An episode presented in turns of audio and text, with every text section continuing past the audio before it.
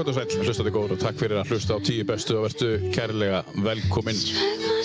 Við setjum hér fyrir Norðan á Akureyri og við gerum alltaf, sendum út á höfustað, frá höfustað Norlands uh, frá podcast Studio Akureyrar sem er nýtt fyrirbæri sem var opnað hér í byrjum februar árs 2021. Það er fullkomið stúdíó sem að uh, fólk getur stokkið inn í og tekið upp sína vangaveltur og komið í loftið og búið til podcast.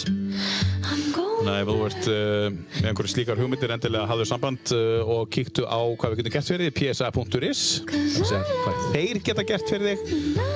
En það er svona þegar maður er uh, þegar maður er á stanum þá var maður orðin hluti af teiminu. Þannig að búin að vera hér síðan í janúar. Áður en þeir mér að segja. Þannig að tíu bestu yfir í loftinu síðan þá Við erum konur inn í sériu nummer 5 og við ætlum að halda áfram smá sem að frí búið að vera. En uh, nú erum við byrjað aftur, ágústmáni 2021. Já, uh, psa.is, uh, það kostar ekki augun úr að byrja. Það er ágætt fyrir að vita það.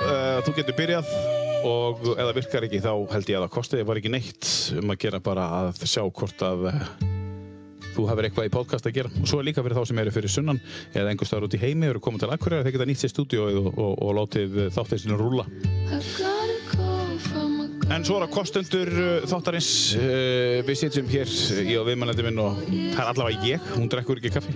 Um, sitt og drekk kaffi frá Ölgerinni. Takk fyrir það Ölgerin uh, að skaffa okkur þetta ágætta kaffi í þennan fína þátt. Og svo er það Norður Akureyri uh, sem er líka sætta stöð eða stöð var sem eru hér á Akureyri. Það eru þetta tvær og þeir eru búin að kosta þáttinn núna í sumar. Og við þakkum kella fyrir það. Þeir eru byrjað að selja haustkortin sín farin á norðurak.is og tryggðu þér kort hjá Norður vegna þess að já það fyllist bara. Þetta er þannig að allavega kynntu þér og gerðu verðsamabur þegar þú ert að kaupa líkasættarkort hvað þú ert að fá fyrir kortið þitt vegna þess að þar færðu þjálfun og kennara í hver skiptið þetta skrái í, í skemmtilega uh, tíma hjá Norður Akureyri Þú getur valið þól og styrk og einhverja blöndu af vott og ímislegt annað. Þetta er bara skemmtilegt, mikill ára okkur hjá Norður Akureyri. Takk fyrir það, Norður Akureyri. Röp 23 er veitingastæður sem að við þurfum nú margt að kynna og um, hann kostar þáttinn sumulegis. Takk fyrir að uh, kosta þáttinn Röp 23 og takk fyrir að búa til uh, besta sushi í heiminum. En uh, þá tala ég bara beint frá hjertanu, þannig þannig með það. Það eru hátægiskort á þessa fjóra staði sem að virka, sem þú getur keftir og hátægislaborið er í gangi á RÖP 23 margrómaða. Takk fyrir það RÖP 23. Blackbox uh, pizza á Akureyri hefur kostað þáttinn frá því í byrjun og við erum mjög þakklátt fyrir það Blackbox. Takk fyrir að vera með okkur frá uppáðu á trúaþættinum. Uh, takk kærlega fyrir að kosta tíu bestu.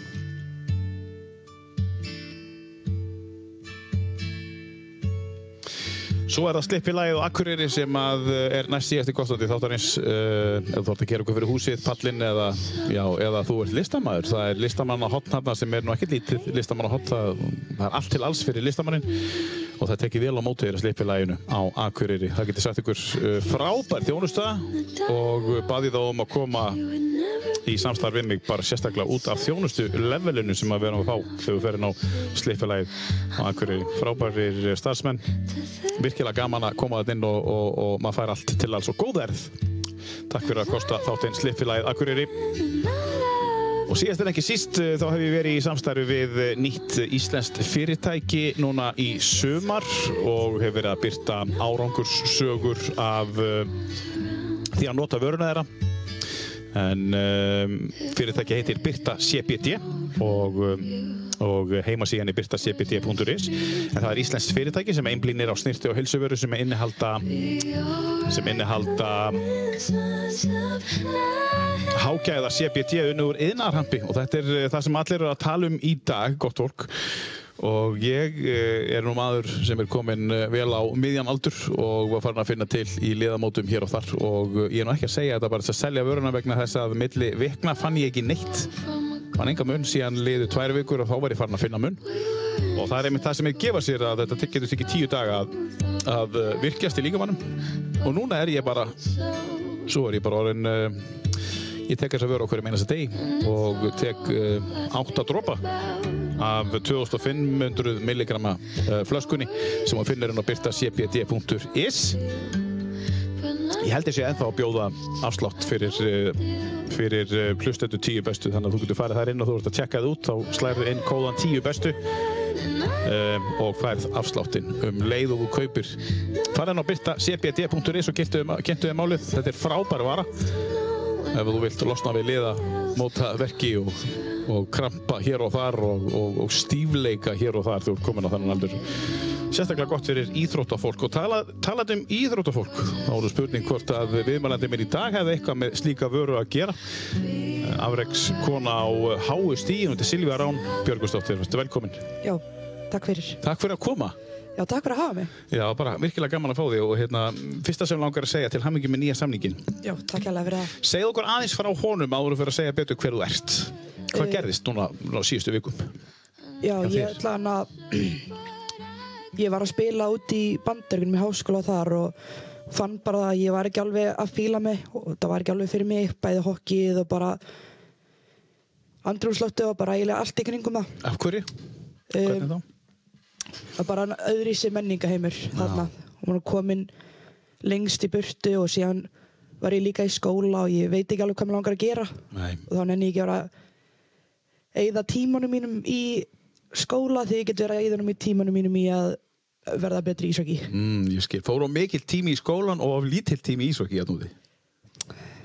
Það hefði auðvitað getað að fara meiri tími í skólan. já, þú meinar, já, ok. En ok, um, þú ert þar.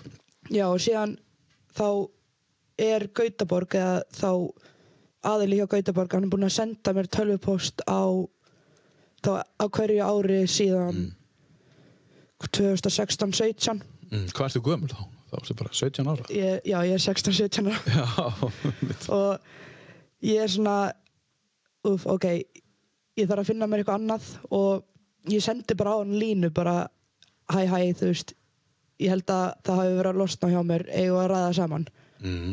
og þá byrjar hann bara strax bara já, þú veist og bara sendi mér samning og ég sé hann og ég bara já, þetta, þetta lítur alveg vel út og síðan bara skrifa ég undir og bara komin í þetta Ok, segð okkur aðeins, þú ert stödd í bandaríkunum og svona fyrir þann sem skilur þetta ekki alveg, svo, svo hefur Gautaborg samband. já, Um, er Svíþjóð á svona háu leveli í, í, í, í ísokki? já Svíþjóð er á rosalegu hálefili og Já, ef maður ætlar að fara að bera saman dildirnar já. Þá er STL þá deildin sem að ég er að fara í. Mm. svipið og NVFHL sem er þá National Women's Hockey League sem er í bandaríkunum Já, þetta er A-dildin. já, og þetta er bara þú veist, þá ertu bara komið saman safn af Já. leikmunum frá ímissjóðum Mm -hmm. sem er að keppa 36 leiki fyrir úrslit. Mm og þetta er bara bara Vá, 36 leiki fyrir ústaleiki. Og hvernig er ústita keppnin hann? Er þetta fyrstur að vinna 8 leiki eða eitthvað, eitthvað, svona, eitthvað svona brjála þessu í korfbóltanum eða hvernig er þetta? Er- fer, fer í stig held ég þú Já, vinnur því upp. Já, og eitthvað þannig. Já. og þú veist ég held að það eru tíu lið í deildinu og átta lið komast í úrslitakefnin Mm. og hinn tvö fari í það sem kallast qualification mm með liðunum sem eru þá búin að vinna í það kom eitthvað nýtt kerfi en það var þannig að það er söður, austur og vestur og norður Já. deild í Division 1 Já. og öll sigurliðin sem vinna þær deildir keppast við tvö neðstu liðin um að, um að komast í efstu deildina og þá Mhm. liðin sem er í neðstu sætunum keppast um að halda sig í deildinni Mhm. Þannig að bestu liði keppa við þá í rauninni, eh, ekki lélugustu liðinu þau sem eru neðst. já, Já. En, en se- segð okkur aðeins, eh, það er búið að vera banki öxlin á það í fjögur, fimm ár. já, og þú er búinn að segja nei öll skiptin eða eitthvað, ég er að fara að gera eitthvað annað eitthvað svo leiðis Þa, það, er samt aðdeildin í Svíþjóð sem er búin að banka í þig. Af hverju fórst ekki út 16-17 ára um, ég ætlaði út bara strax eftir grunnskóla. Mm -hmm. en ég á rosalega klára og flotta mömmu sem segir nei, ég vilt ekki klára, viltu ekki byrja að fara í mentaskóla? En er hún klára flott þegar hún segir nei við að fara? nú, nú, nú er mér fulla virðingu fyrir mömmuðinni, skil ég bara segja. Það er stóra spurningin, sko. Já. Síðan, bara, þetta var hverju einast ári Emma, annað árið. Já, Og þú veist, það var maður komin, ég var í mentaskólanum, mm. var maður komin inn í þetta og þá fór ég meira svona, kannski bremsa sjálfa mig af og síðan í þriðja bekk þegar að þryggja ára kerfi kom, þá var ég alveg farin að pæla að taka bara eitt ári pásu, fara út og klára síðan, þú veist, það myndi ég útskrifast á sama tíma. já. Kom þá mamma á banka og sagði, hvernig væri að taka eitt ári viðbót í mennskálunum? Nei, þá kom ég og ég sagði, æ, ég komur svo langt. Já, einmitt. Klára þetta. Já, já, Svo- já, það er svoleiðis. Svo bara beint eftir uh, fjórðabæk, þá eftir útskrift, þá sem ég við lið í Svíþjóð sem er í Division 1 Mm og það, þá vissi, þú veist, þá ég mig með bestu vinkurum minni Sunni Björgvins Já, og við vissum í raunin ekkert hvað við værum að fara út í þú veist, í okkar augum þá voru við frá Íslandi og allt sem er í Svíþjóð er mikið starra og mikið betra. Mm. og ég hugsa, ok, við byrjum bara í Division 1 og sjáum svo til hvað, hvað gengur að gerist. Og síðan komst bara að ljósa litla stóra Ísland er bara drullu gott í hoki já, er það þannig? Já, að þú veist Svo þú ert að miða við? Ef maður að miða og- við, sko. Já, já. En, en sko, þú sér ekki eftir því í dag að hafa klára mentaskólan og, og, og, hérna, og, og þú ert samt á leiðin út núna, þú ert mögulega leiðin út á réttum tíma í lífinniðinu eða hvað? já, ég sé alls ekki eftir mentaskólanum ég Nei. næst bara mína bestu vini þar sem ég mun vonandi eiga bara til lífstíðar og síðan já, með þessa tímasetningu þetta er bara svona er þetta. Já, við erum semst búin að, að, að útkláða það mála að mamma en er mjög klár. Mamma mín er rosalega klár það, er, það getur svona verið mjög pyrrandi hversu oft hún hefur rosalega rétt fyrir sér. Já, en ekki alltaf samt. Má ekki gefa henni það, sko. ég hef ofta rétt fyrir mér. Já, en uh, þú, hérna, segð okkur eins hver þú ert, við fyrir náttúrulega fyrir dýbra í þessu umræðu eftir, segð okkur eins hver þú ert og hvað hún kemur og, og þú ert í grunninn, þú ert akkuringur akkurringur, einn fjórði færiðingur en síðan Já. er ég líka austfenningur og kemur ætt sem kallar sig Hallgeirunganis Já, já, sem er þá ætt sem kemur á austan þar sem pappi minn kemur þar og ég um, hann var bóndi fyrir austan og ég ólst upp þar fyrstu þrjú ári mín. Þannig að við fluttum til Akureyrar. Já, og hann þetta er hvort að þessi einn stærsta stærsti sískinahópur sem er til í dag en þau í grunninn voru upprunlega 16 sískinni en vá, og já, vá. Og þetta heiti hvað, Hall, hallgerungar Hallgerungar, já. Ert þú Hallgeir, kemur af Hallgeringum? já, Já, já, stolt af því. já, já, já. En færi ykkar, hvaðan kemur það? það afi minn var fariðingur Já, já, hvað heit, hvað heit, heit afiðin? Þorlákur Dam Já, já. það var, var íslensku nafni hans ég get ekki sagt ég er totlag Tollag, já. En segðu mér hver fóröldareginir eru og þeir búi hér á akkurinn núna, hver, hver eru fóröldareginir og, og, og, og áttungu sískinni? já, um, Ásta Jóna Þorláksdóttir er mamma mín og pabbi minn er Björgvin Ómar Hafkjesson hann, hann býr hér en hann vinnur fyrir austan. Mm og síðan á ég fjögur sískinni Vá. og við hérna þrjár yngstu þá ég, Dilja og Díana við byrjuðum allar þegar að hérna, við fluttum þegar ég var þryggjara Mm þá byrjuðum við allar í listleipi og þá var það þannig að Díana átti skauta Já. út í sveit og brúaraskóli sem var skólinn þar Já. kom oft norður og fór að skauta og hún bara fjall fyrir íþróttinu og fór að skauta túnunum og, og það var bara eina sem var í búði þegar við fluttum til Akura hún ætlaði að byrja að æfa að skauta. Já. og þá kemur náttúrulega Dilja með sem er í miðinni já ég líka. Já. þá er ég þryggjara skottast með bara ég vil líka. Og síðan bara byrjaði áhugum þar. Já, varstu þryggja ára þegar þú skauta? já. Og það var þannig að að byrjaði að ég var rosalega lítinn og fór kannski í 10-15 mínútur senn. Já. og mamma skildi ekkert í því út af mér fannst alveg gaman en þá átti hann á sig að mm, mér fannst skautinu svo óþægilegir og hún fór til Sigga í, nei, Vitta í skíðaþjónustinni Já. og fekk bara aðra að skauta hann var náttúrulega algjört æði og Já. bara reddaði því og Já. þá var ekki snúið tilbaka Nei. Þannig að þú átt feril á list, list sem listdans Já. skauta, eða list, hvað er þetta? Skauta drottning. Já, ég var í listans já í næstu í fimm ár.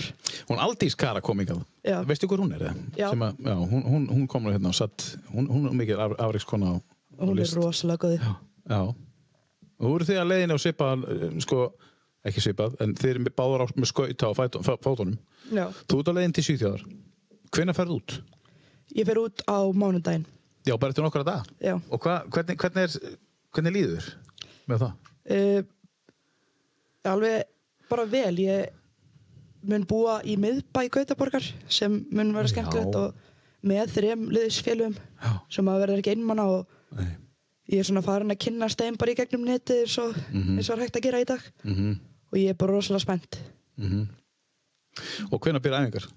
Þær eru byrjaðar. Það eru byrjaðar. Já, ég, ætti, ég átti upprannlega að fara út 29. júli en ég fekk leiði til að vera hans lengur þar sem að það er skýrn og tvö stóra með lega fjölskyldinu minni fyrir austan núna Og podcast viðtal. og podcast viðtal, skulum ekki glema því svo ég fekk leiði til að koma aðeins setna Já, frábært. En uh, þú ert á leiðin út núna og uh, hvað er þessi samningur langur svona til þess að byrja með?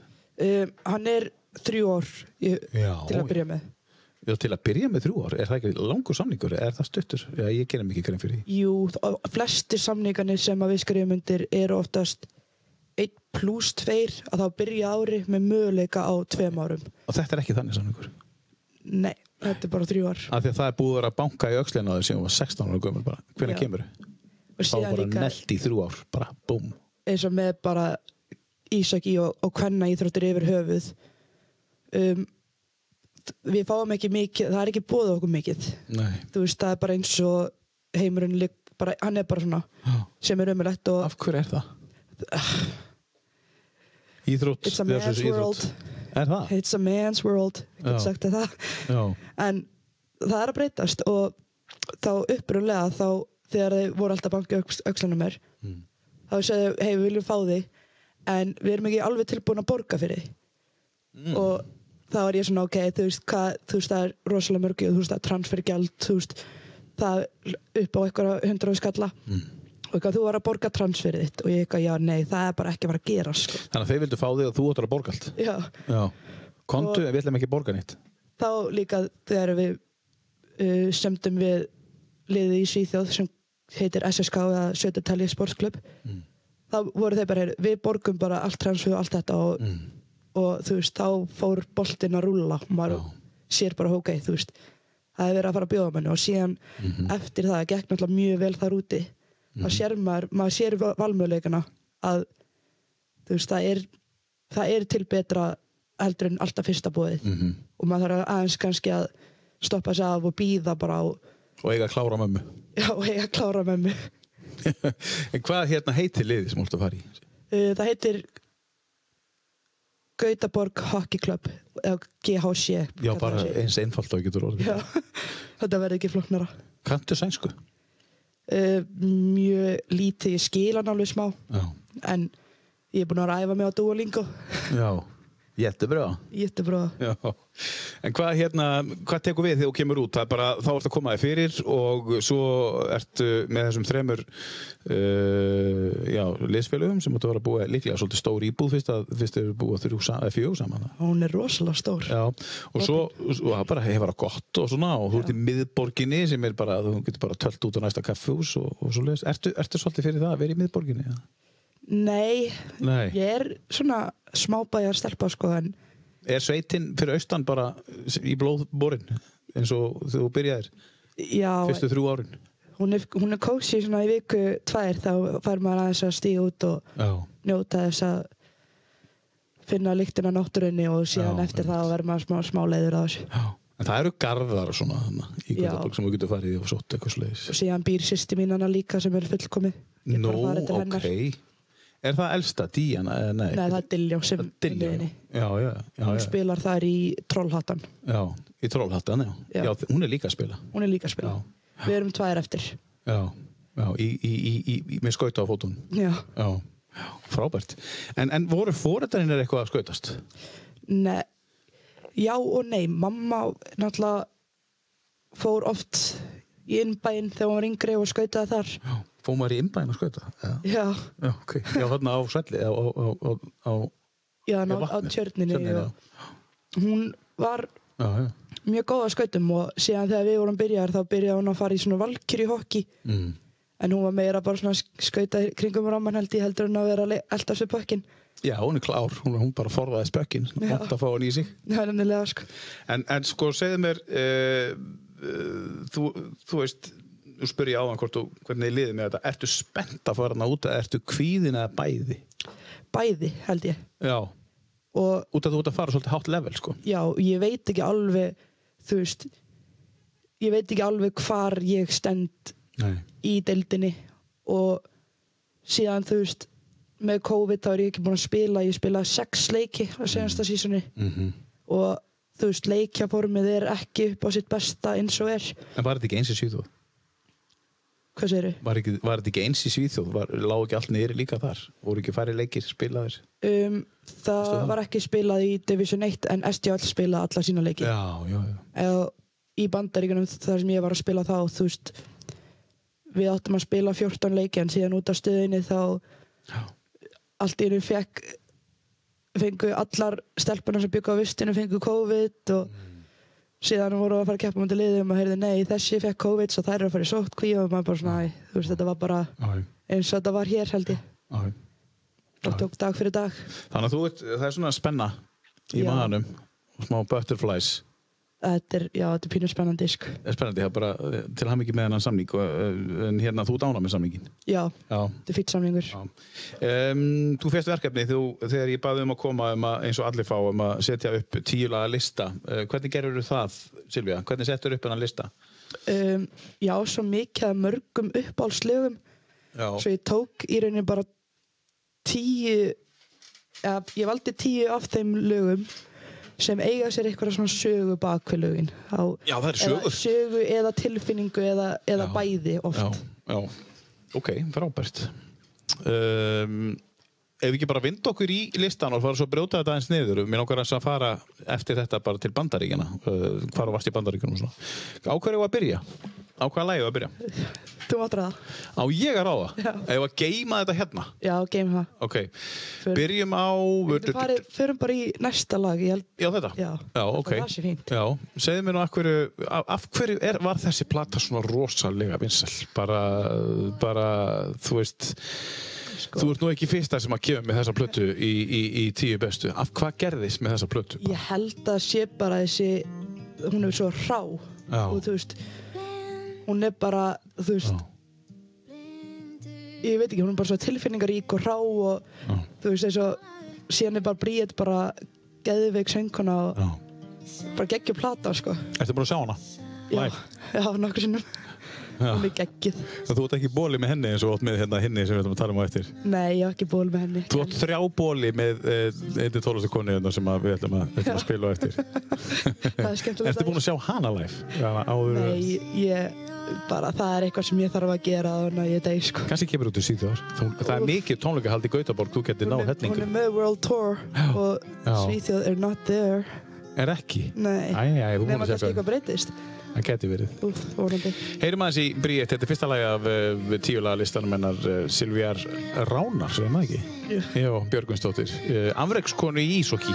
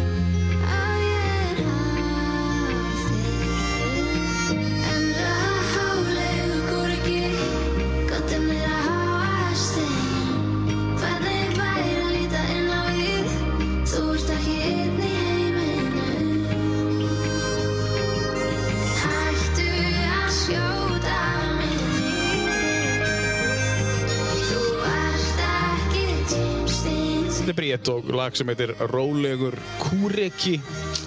Það er persónlegu texti hérna á bakvið. Þú sé að syngjum ykkur fyrirverandi kærasta. Já, Veistu það? já. Nú er það, Se- segðu okkur söguna. Ég veit ekki söguna. Hvað, hana? Já, með rólegan kúreka. Veist þú, veist þú hvernig hann er að syngjum? þe- Þetta er um fyrirvændi kærastennar, Já. Dóra. Dóra? Já, hann er svona smá kúrikulegur. Já, er það? Þetta er um, öll platan er um hann. Nú er það, ok, ok, ég vissi það ekki. Svona, bland, sama blanda af nýja og, og fyrirvændi. Svona svo Adele. Já, Það er svona Adele-pæling í þessu. Syngja um, hérna, John Mayer gerir þetta líka, syngur um fyrirverandi svolítið. já. Já, já, þessin er þetta kannski svona fallegt og persónulegt og... Það er nefnilega, til þess að gera góð lög held ég að þá þarftu að, að syngja um eitthvað sem er ekta. Þú getur ekki verið að búa til eitthvað tilfinningu. nei, Þú ertu einmitt. kannski íkýr tilfinninguna frekar. Já, akkurat. Og þess vegna verður hún svo ríl. Já. En ert þú meira búm, búm, búm eða ertu meira róleg svona hjólusta? Ég er meira róleg. Já, af hverju er það? Hva, hvaðan kemur það? Er, er, er, kemur tónlist í gegnum einhvern í fjölskyldunni eða þú veist... Nei, hún hlustum lítið tónlist í fjölskyldinu minni. Mm -hmm. En ég held að sé bara, ég er svona, ég held að það bara róa mig niður. Ég get oft verið rosalega spennt og svona, Já. og svona búm búm búm lög bara íta undir það. Já. Ég bara ofpeppast. Svo ég hlusta meira svona róleg lög og svona hjartnæm og Já. tilfinningarík bara til þess að, bara til að bara svona grounda mig og Mm. til að róa mig niður og bara svona, get- notalegt. Getur þú sótt þannig lög, Silvía, þegar þú ert að peppað upp fyrir leiki og rólulög? Ég hlusta bara róleg lög fyrir leiki. Já, það er. Já. Já. En síðan þegar maður kemur inn í klefan og það er tónlist, það er bara pepplög. Já, einmitt. Og þá vill ég vera búinn að hlusta á mín Já, rólegu lög já. og síðan fyrir inn í klefan og heyra þessi, Típisku búm, búm lög. já, þessi búm-búm lög og rapp og... En getur þú ekki sett á því bara headphonea og, og ignorað og hlusta á þitt staf? Eða er ekki, er, er, eigið það að hlusta á sömu tónlistina? Hver er- velur playlistan inn í, inn í? Ég er svo mikið félagsvera, ég get ekki gert það sko. En hver velur tónlistina? Er það Eh, fyrirliðin bara? Nei, sko í landsliðinu þá höfum við verið með svona samilan playlist af það sem Já. að hver manneski að færa að setja svona tvö, þrjú lög inn á. Mm, Og hvað það- er það að hlusta á tónlista? Bara í klukkutíma fyrir leikið? Já, í uppbytun og Já, já, ok, já. og þá það, við gerðum það út af að þú veist, við erum með svo mikla persónuleika Mhm. og það er enginn alveg eins og ein manneski að fíla þetta meðan hín fyrir að hitt Já.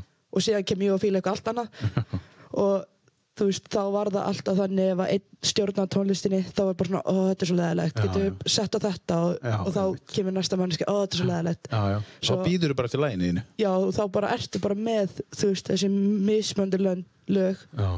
Og þetta er bara svona, þú veist, þú bara hlustar á þetta og punktur. En hvað segja lesfélagarnir þegar Rólegu Kúriki kemur í hérna uppbytunu? Æ, ég set ekki lögin mínu á playlistan. ég er því skotin niður og ljótt eftir það, sko. Um, við ætlum að fara eftir bandaríkjana. Þú, þú sagðist þér í bandaríkjunum, spólum aðeins tilbaka það. Hva, hvert fóstu í bandaríkjunum og af hverju fóstu þákað? Um, ég fór til Vermont í skóla sem hétt, það heitir Norwich University sem er um, privat military skóli í ó, já. Vermont.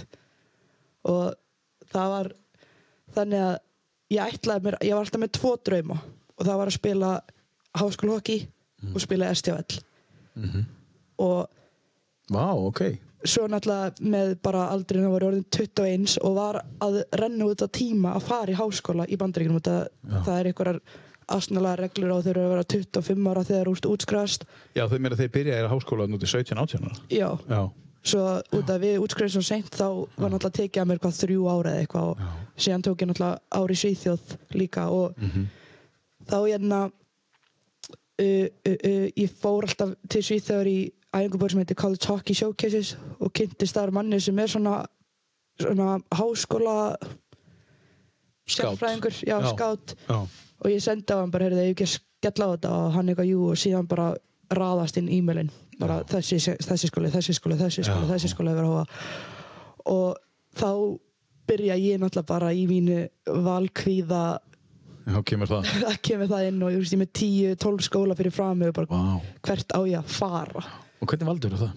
um, ég valdi ég valdi besta skólan besta hokkilið þá, já.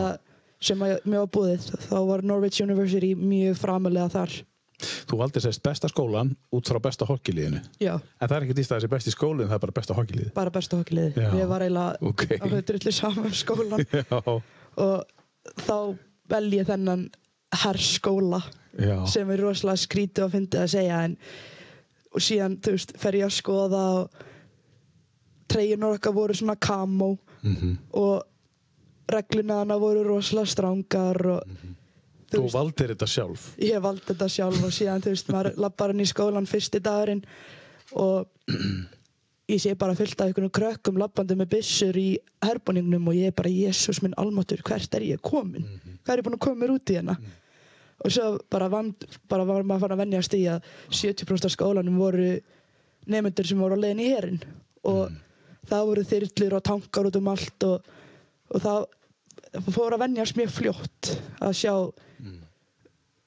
yrna upperclassmenn vera að öskra á rúkjan og rúkjanir þeir það var fyrstu, fyrstu önnina.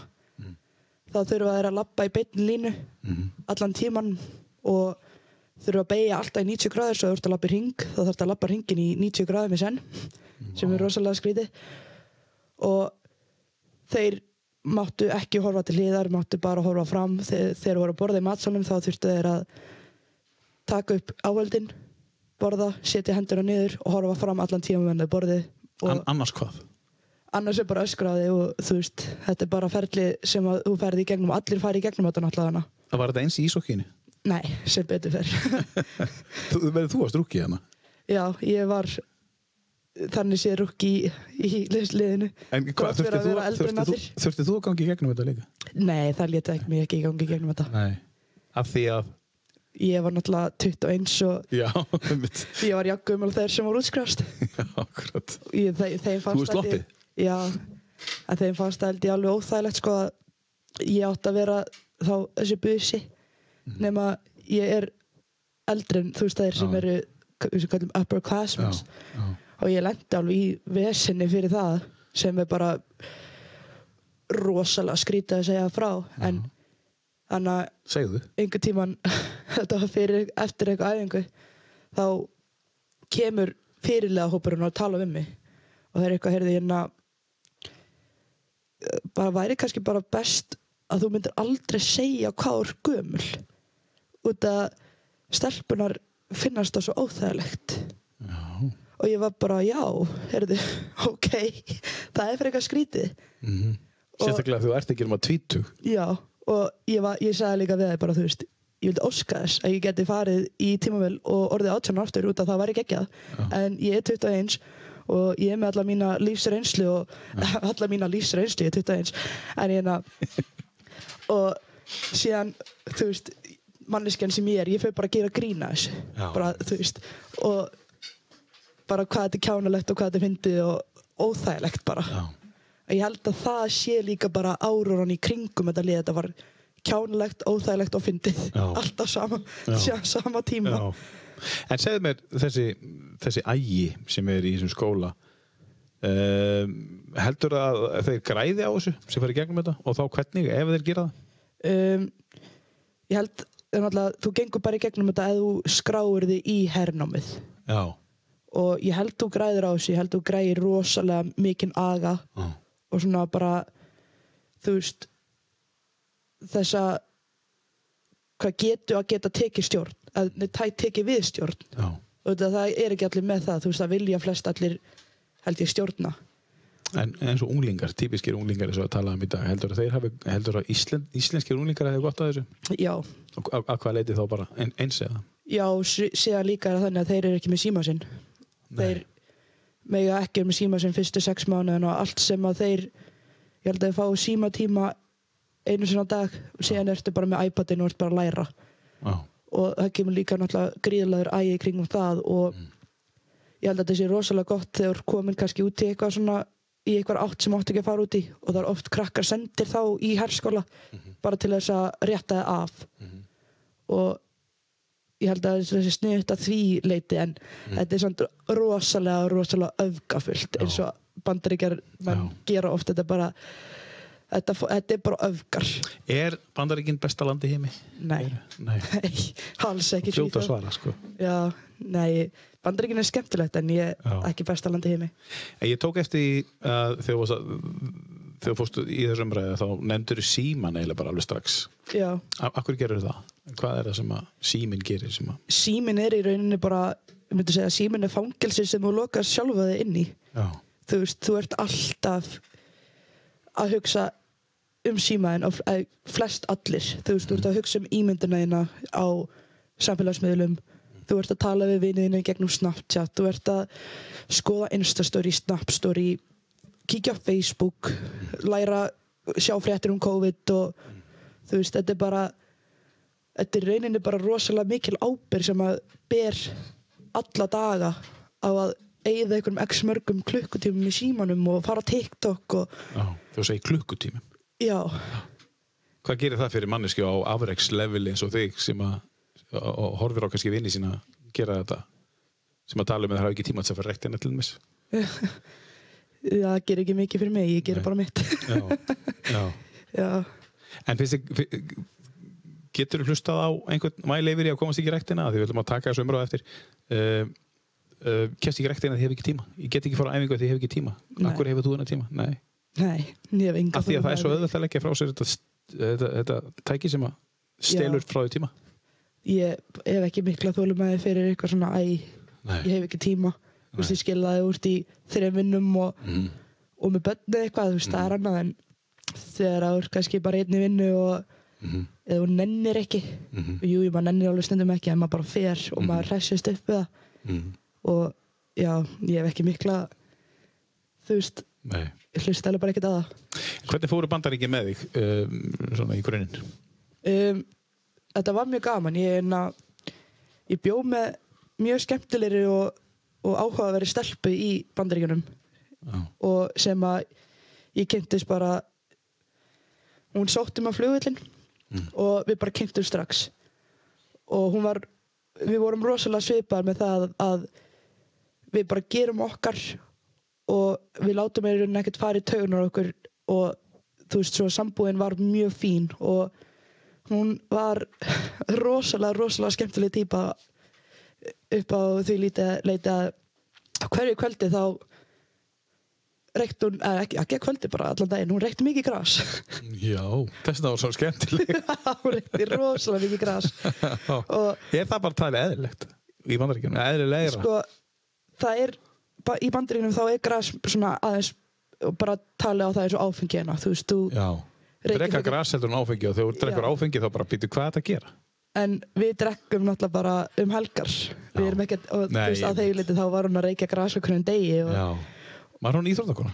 já, við vorum saman í hokki og hún var Já, já. drull efnileg og hérna, við fórum á hverju einasta kvöldi þegar að, eftir æfingar að þegar við áttum að að læra fórum við alltaf í bíltúr Mm. og hún reykti og ég kerði og við hlustum á tónlist og spjöllum og kerðum mjög mikið og vorum að finna nýja leiðir og byggum á rosalega fallegu svæði. Þú kerir róandi? Ég var alltaf að kera, já, Já.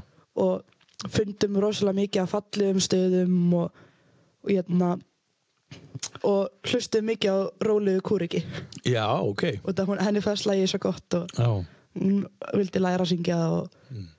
og það var svona örgulega einn af hápunktunum í bandaríunum var bara þú veist já bara að keira og rúta og finna eitthvað fallegt hlusta góða tónlist og þú veist það var bara eins og allar þína ágjur fór í burtu. Það er að þú, þú tengir þetta lag við svolítið það, þetta. Já ég tengi lagið við upplifunum mína í, hérna, í bandaríunum já, já.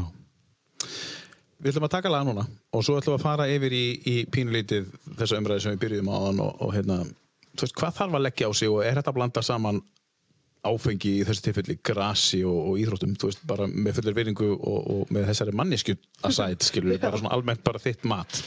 Hvað er að taka næst? Eða halda bara áfram niður listan eða? já er það ekki bara fint Þessi maður hérna, þessi gæi hérna, segja okkur aðeins að hverju þessi er á listan einum. að hann er bara flottastur og bestur Já, ok. Það þarf ekki mikið meira að útskýra var það. mikill directioner því ég var yngri Já. Hvað, hvað sagður, mikill? directioner Directioner. það er One Direction Já. aðdóðar Já, directioners, ok. og þetta er bara eitt af mínum uppáðslegum með honum Já. Hann gaf plötu, múin að gefa tvær plötur eða hvað, eða, hvað, býtum við Já, hann er búinn að gefa tvær plötur eftir, eftir það, já. Og þetta er einhverju smá skífur og eitthvað svona. já og þetta er af plötinni Fine Line sem er geggjuð Syngur eins og engill, þessi gæ. Já, Um, gullfallega og, rödd og lítur út þessi engill. Lítur út eins og guð Já, eins og Guð, já. Engill og Guð. Harry Styles og lag sem heitir She. Þetta er ekki gamla hérna, uh, lagið með Elvis Costello sem að uh, hann samdi, hann, uh, hvað heit hann nú? Charlie Chaplin. Þetta er allt annað lag sem heitir She. Hlustum á þetta. She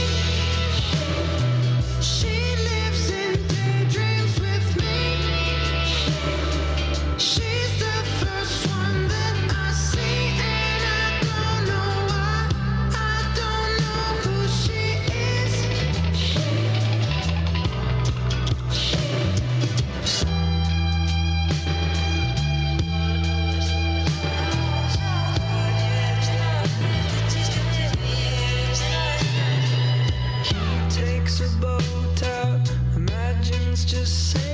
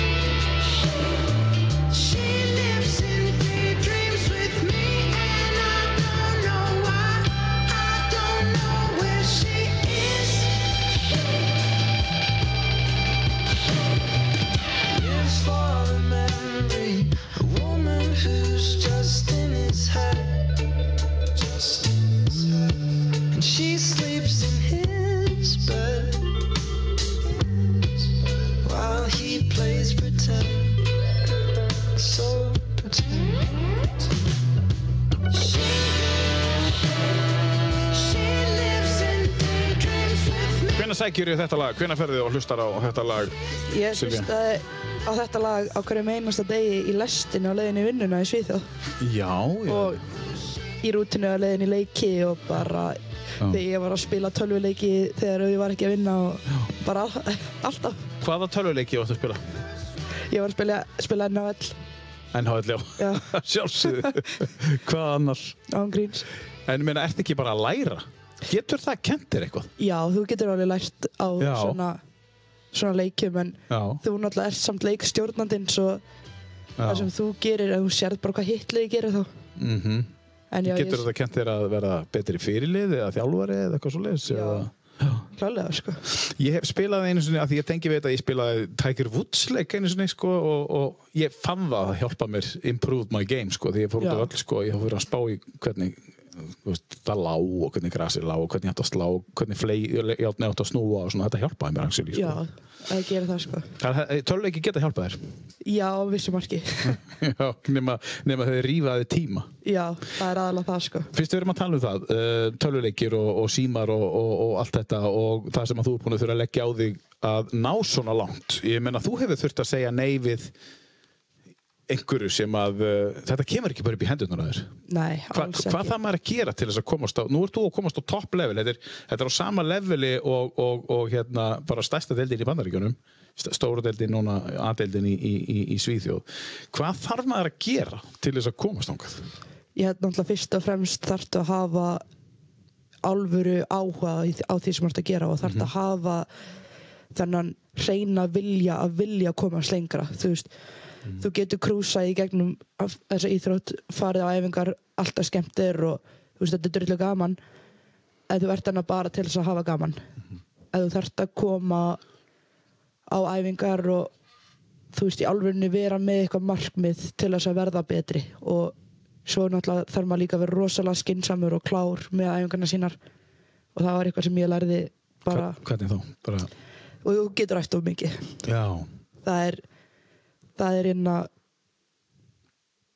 eitthvað sem ég lærði bara frekar snemma á mínu ferli þá var ég að æfa fótbalta og hockey og var að spila upp fyrir mig og var að mæta á tvær, þrjár æfingar á dag og síðan alltaf bara eh, var ég að stækka og var orðin 1.65 á þessum tíma já, og þá fór hnén á mér að bara bregðast mér, bara Já. bókstalaði bara bröðist mér og í báðum greinum þú varst að stunda fótbolta og já, og ísöki þá kom að að ég þurfti að velja og valdi Ísaki og Hvað varstu gömur þá, 14? uh, ég 13. var svona 10-11 ára ég Já, þú verið það já og Já, já, af því að yfirleitt er það ekki í kringum 13-14 sem að já, ég þurfti að og síðan líka og þetta var bara húst, þetta Já. var að vera að taka svo mikið tíma að mér og ég var ekki að sinna skólanum og Já, eins mikið og maður þarf að sinna skólanum í tíundabæk en eina fimmtabæk en ég valdi hokkið og byrjaði að hitta sjúkraþjálfara út af njánum á mér mm.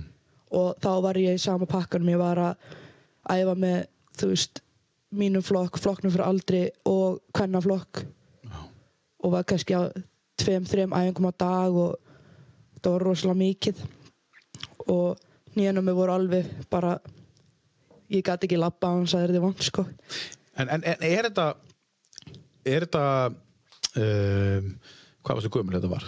Þetta er ekki Já, þetta er svona 12 ára. Já, þú er 12 ára, þið langar að bara gera allt sem þið langar í heiminum skilju er það þá ekki þjálfara og, og, og, og þeirra og, og, og, og, og að- að að segja, við erum, við erum að nota hana mikið. Þetta er svo, þetta er svo algengt í, í yngri flokkum að það er leikur á sundaginn, ég, ég verða að fá hana að lána að því að hún er mikill hlekkur í liðinu. Þá er að spila upp fyrir því tvo, kannski tvö level. Já. svo segir einhver að löga þetta en ég þarf að hafa hana líka.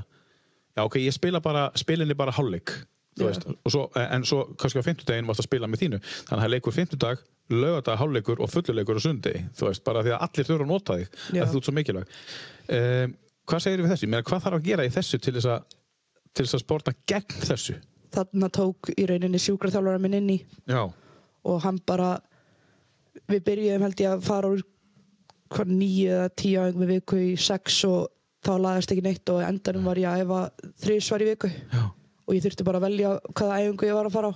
Já, og síðan var það ekki fyrir en ég var svona held ég hvað og já, ég fór líka til bæklulæknis og hann ég veit ekki hversu, hversu klár hann var en hann bara sagði bara engar hnipur, engin framstig ekki neitt.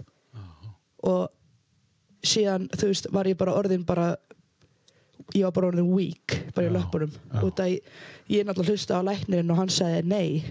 Mm, og þar að leiðandi þá var ég mjög tæknilegu leikmaður út af því en þá síðan leggur þá meiri ásla á tekninu heldur en já, ég, svona viljandi bara, að, þú veist, ok, ég þarf bara vera teknilega góð þegar ég líkanlega ekki alveg nógu já, á þeim tíma og síðan kemur Jussi sem er finnska þjálfari sem að inna, kom í SA og, og hann í rauninni bara tók mig í gegn.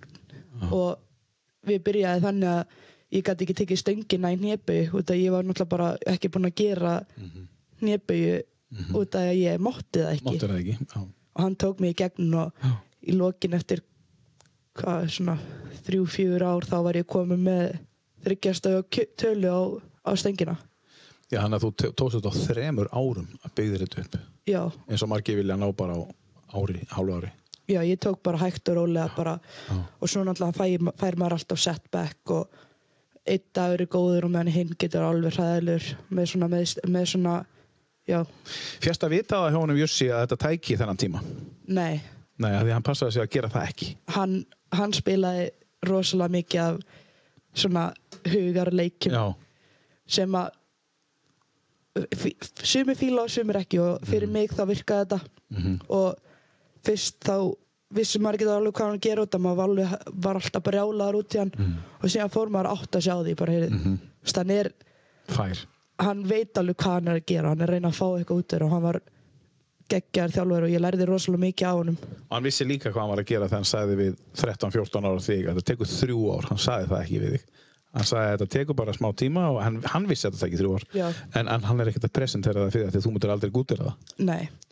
Og ennþá í dag þá er hnén á mér ekkert þau mun aldrei verða einn sterk og ég vil hafa þau. En þú sagðir að sjúkraþjálfurinn hafi gripið inn í hana. Ok, þú ert orðin mitt. Það er sjúkraþjálfurinn komin inn í þetta. Hann gripur inn í. Já. En ef þú ert ekki orðin mitt, hver á þá að grípa inn í? Þú veist, áður og fyrir sjúkraþjálfura. Þjálfarannir, Já. sérstaklega úr með börn, þau veit ekki betur. Já. Og mögulega fóraldurinn líka að vita þólmörk batsins. Já. En En, sko, en þau vilja gera allt fyrir barnið sitt. Er þetta ekki svolítið á... Þjálfarinnir eru, eru sérfræðingarnir. Þeir vita miklu meira heldur en fórhundir. Fórhundir hugsa, já, þólar um það. Já, já, já. Er þetta ekki þjálfarinnir sem eiga nummer Jú. 1, 2 og 3 að vita þetta er á mikið? Ég held að Af því þetta er svo algengt, Silvija. þetta er rosalega algengt í dag. Já. Og líka bara að Þetta að sko. bara flosni upp úr í þjóttunum út að það eru bara og mikið álag. Eru þjálfarinnir, ég er ekki að segja að þjálfarinnir í SA hafi verið að gera það, en nú spyr ég almennt þitt mat. Eru þjálfarinnir að gera þetta, nota þig, af því þeir vilja betra Excel- Excel-skjál og sjálfa sig, ég þarf að segja leiki, þetta er mjög mikilvægt fyrir mig að þú mætir. Á ekki snúa þessu við. Það er ekki mikilvægt, það er, það er ekki gott fyrir þennan leikmann að mæta, af því að, ok, ég á hann ekki, hann er ekki í mínu, mínu flokki, Nei. ég er að fá hann lánaðan. Uh, svo fórst að æfa þetta þrísvar í viku Já, hvaða flokk valdur þá? Valdur þá highest level? Ég man ekki alveg hvað ég valdi. Nei, Ef ég á að vera hreinskilin. Ég valdi bara já, líklegast bara flokkin minn. já, En síðan, þú veist, síðan fór ég náttúrulega bara og hækka við mig aftur þegar ég var að byrja að styrkja mig og fór að æfa aftur. Bara eins mikið í viku í gatt og, og þá fór ég líka, þú veist, á hvað svona 15 ára byrjaði ég að fara í rektinu og lyfta og, og fara að gera þetta sjálf já, og síðan þú veist var maður kannski farin að komast í þann pakka að maður fór í rektina og síðan fór maður tvær æfingar eða stundum þrjár og þá voru þetta líka verið mikið. En þannig ertu komin, veist, ég var komin þann aldur þar sem ég átti raunin að vita já, hvar ég átti að stoppa og ég vissi ekki sjálf Nei. og fór bara í off-þjálfun. Já, og eins og ég heldur flest allir vita þá er það ekki pakki sem þú vilt vera í? Að bara þú ert að æfa of mikið að líka meðin bara nær ekki endurheimt. Hva, hvað gerist, segðu okkur eins hvað gerist hjá þér? ég, bara, ég er staðnaði eins mikið og ég var að gera þetta til að bæta mig þá bara staðnaði ég og þú veist bara líka meðin bara var svo þreyttur. Hann bara gat ekki meir. Mhm. og svo bara lærði ég það að ég var að gera mikið og ég fór bara svona að átta mig sjálf á því út af að ég var búin að æfa og æfa og æfa. Já, en ég var ekki að standast undir mínum væntingum já, sem að ég var búin að setja sjálf á mig og þá var ég bara svona ok, þú veist ég þarf kannski aðeins að róa mig niður. Já, já, það varst þú sem áttar á því. En það hljóta, allir að séð það í kringu því, meina, þú veist að þú vorst að gera mikið. já, ég veit það ekki. Nei. En, en, en þú ert að segja að þú hefur verið komin á einhvern, á einhvern svona stað þar sem að þú ættir að skynja þetta sjálf en þú gerir það ekki.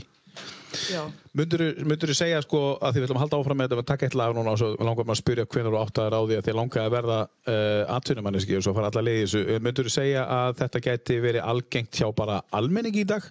Að ástæðan fyrir því að árangurinn kemur ekki að þú ert að æfa mikið að því það kemur engin árangur, það kemur stöðnun. Bara almennt. Þú veist að vera að segja samfélag eru svo ykt í dag. Við erum Já. með svo rótið samfélag hvað varðar útlit og hvernig á að líta út. Svo bara venjulegu húsmóður sem fyrir bara að æfa þreysvar á dag skilu, Já. klukkan 6 á mótnan á í háttegin og klukkan 4 og 6 og batnin sitt klukkan 5 eða hvað, hvað það er sko. Já, þetta er að gerast, getur verið að svo stanar hún. Alveg fyrir að það er ekkert að gerast ekkert að gerast. Ofþjálun, al, almenn hjá bara venjulegu fólki? Ég er held það sko. Að þú nærði ekki þessum árangri sem að þú vilt Nei. og síðan sérstaklega þegar þú ert að gera þetta sjálfur. Já. ert ekki með þjálfara bakvið þá þú veist, þú veist kannski hvað þú vilt byggja upp þú veist ekki hvernig á að gera það og Já, þú ert ekki með góðan þjálfara. Þú ert þú getur alveg með þjálfara sem að hendir í ofþjálun og veit Já. ekkert hvað hann er að gera. Veit ekkert hvað hann er að gera. En þú ætti að vera með góðan þjálfara, varst þú heppið með þjálfara? já, ég var held ég alveg ágætlega heppin Já, líka í bandaríkan? um, hún var ágætt Já, Já. hún er ekki að lusta sko. Nei, hún var, hún var hérna, jú, mjög fín og allar æfingarnar sem að hún gerði þá á ís Já. voru rosalega, rosalega svona, þú veist, byggjandi, þú veist, þú getur gert æfingu þar sem að þú stendur í línu og þú ert að skauta þessa línu og fá sendingu þarna og senda einmitt þarna og fá pökkun og skjóta en allar hennar æfingar voru bara það voru ekki línur, þetta voru þannig sé bara það sem við köllum leikir. Nema þú lærir rosa mikið á að spila þessa leiki. Svo maður vissi að maður var að fara á æfingu um að kannski hitta um markmennina í 500 og síðan voru við bara að fara að spila. Út af þá þegar þú æfir þetta, þú veist, þú æfir þetta game instinct eða bara þetta innsæi. Þegar þú ert að æfingu, eitthvað sem að fólk heldur þú getur bara æft í leikjum. Og þú veist, við vorum aldrei með eitthvað eitthvað handbók, þú skautar þangað þú sendir á Nei. blálínunni þú færðan tilbaka á krísinni og þú ætlar að skjóta í hæra kort, bara eins og, eins og, eins og er það sem að Já. mér finnst oft vera bara rugl og vitleysa Já. þú veist, þarna varstu bara, þú veist, ef þú fær spökkin þú ákvæður hvað þú ætlar að gera þú veist, Mhm. ertu að fara að senda þessa manneski, ertu að fara að senda þessa manneski ertu að, ertu að fara að gera þetta sjálfur Ertu búin að kynna þér hvort það sé svona hjá GHC? um, ég kom með leikbókina. Já, já, komið leikbókina. Já, Já. síðan maður fær, maður sér það aldrei fyrir en maður mætur á æfingu. Nei, nei. hvernig þjálfarinn er. Herru, höldum áfram með þetta, ég mér langar að fá að vita hvað var sköpur þú ákvæðast bara, herru, ég, ætla- ég ætla að gera þetta. Um, er, það, er það bara hinn norski uh, Keiko og, og, og Miguel? Já, er það ekki bara, þetta lag er ógsta flott. Þetta er mjög skemmtilegt lag. Já, já. Gaman að segja frá því að ég bjó í Nóri 2009 nú er það, já, og, og þá var ég svona að reyna fyrir mér í að umba fólk. Ah, ég sendi þessum litla strák Nei. og fekk lag frá honum. Og, og ég bara svo bara fór ég í vinnuna og leitið það hjá mér. Bara ég nenni ekki vera að gera eitthvað þú veist, ég nenni ekki, það var bara eitthvað úti svo er þetta bara kæko þetta, Pældi ég, þú getur umbóðsmaðurinn hans. Hann heitir Kyrre eitthvað, þú veist, ég man ekki Ég er að alveg taka því viðtal við mig. Hvað já, en þú veist, þá er ég bara að gera það. Já, en, en það er bara skemmtilegt, þetta er, uh, þetta er svona saga sem skiptir ekki neinu máli. Remind me to forget, myndu mig á að gleyma þessu bara. Kæko og Miguel, þetta er af listanum hennar Silvíar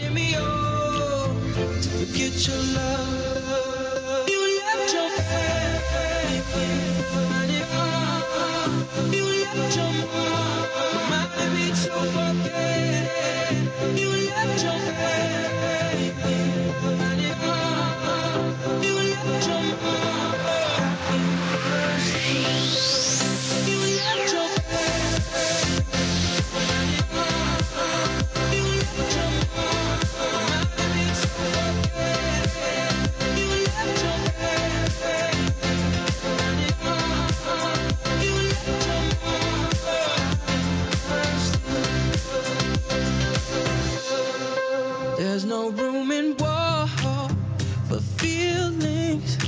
Hurt me to the core, still healing. And I know you're no good for me. So I try to forget the memories. Cause baby, it hits so hard. I'm holding on to my chest.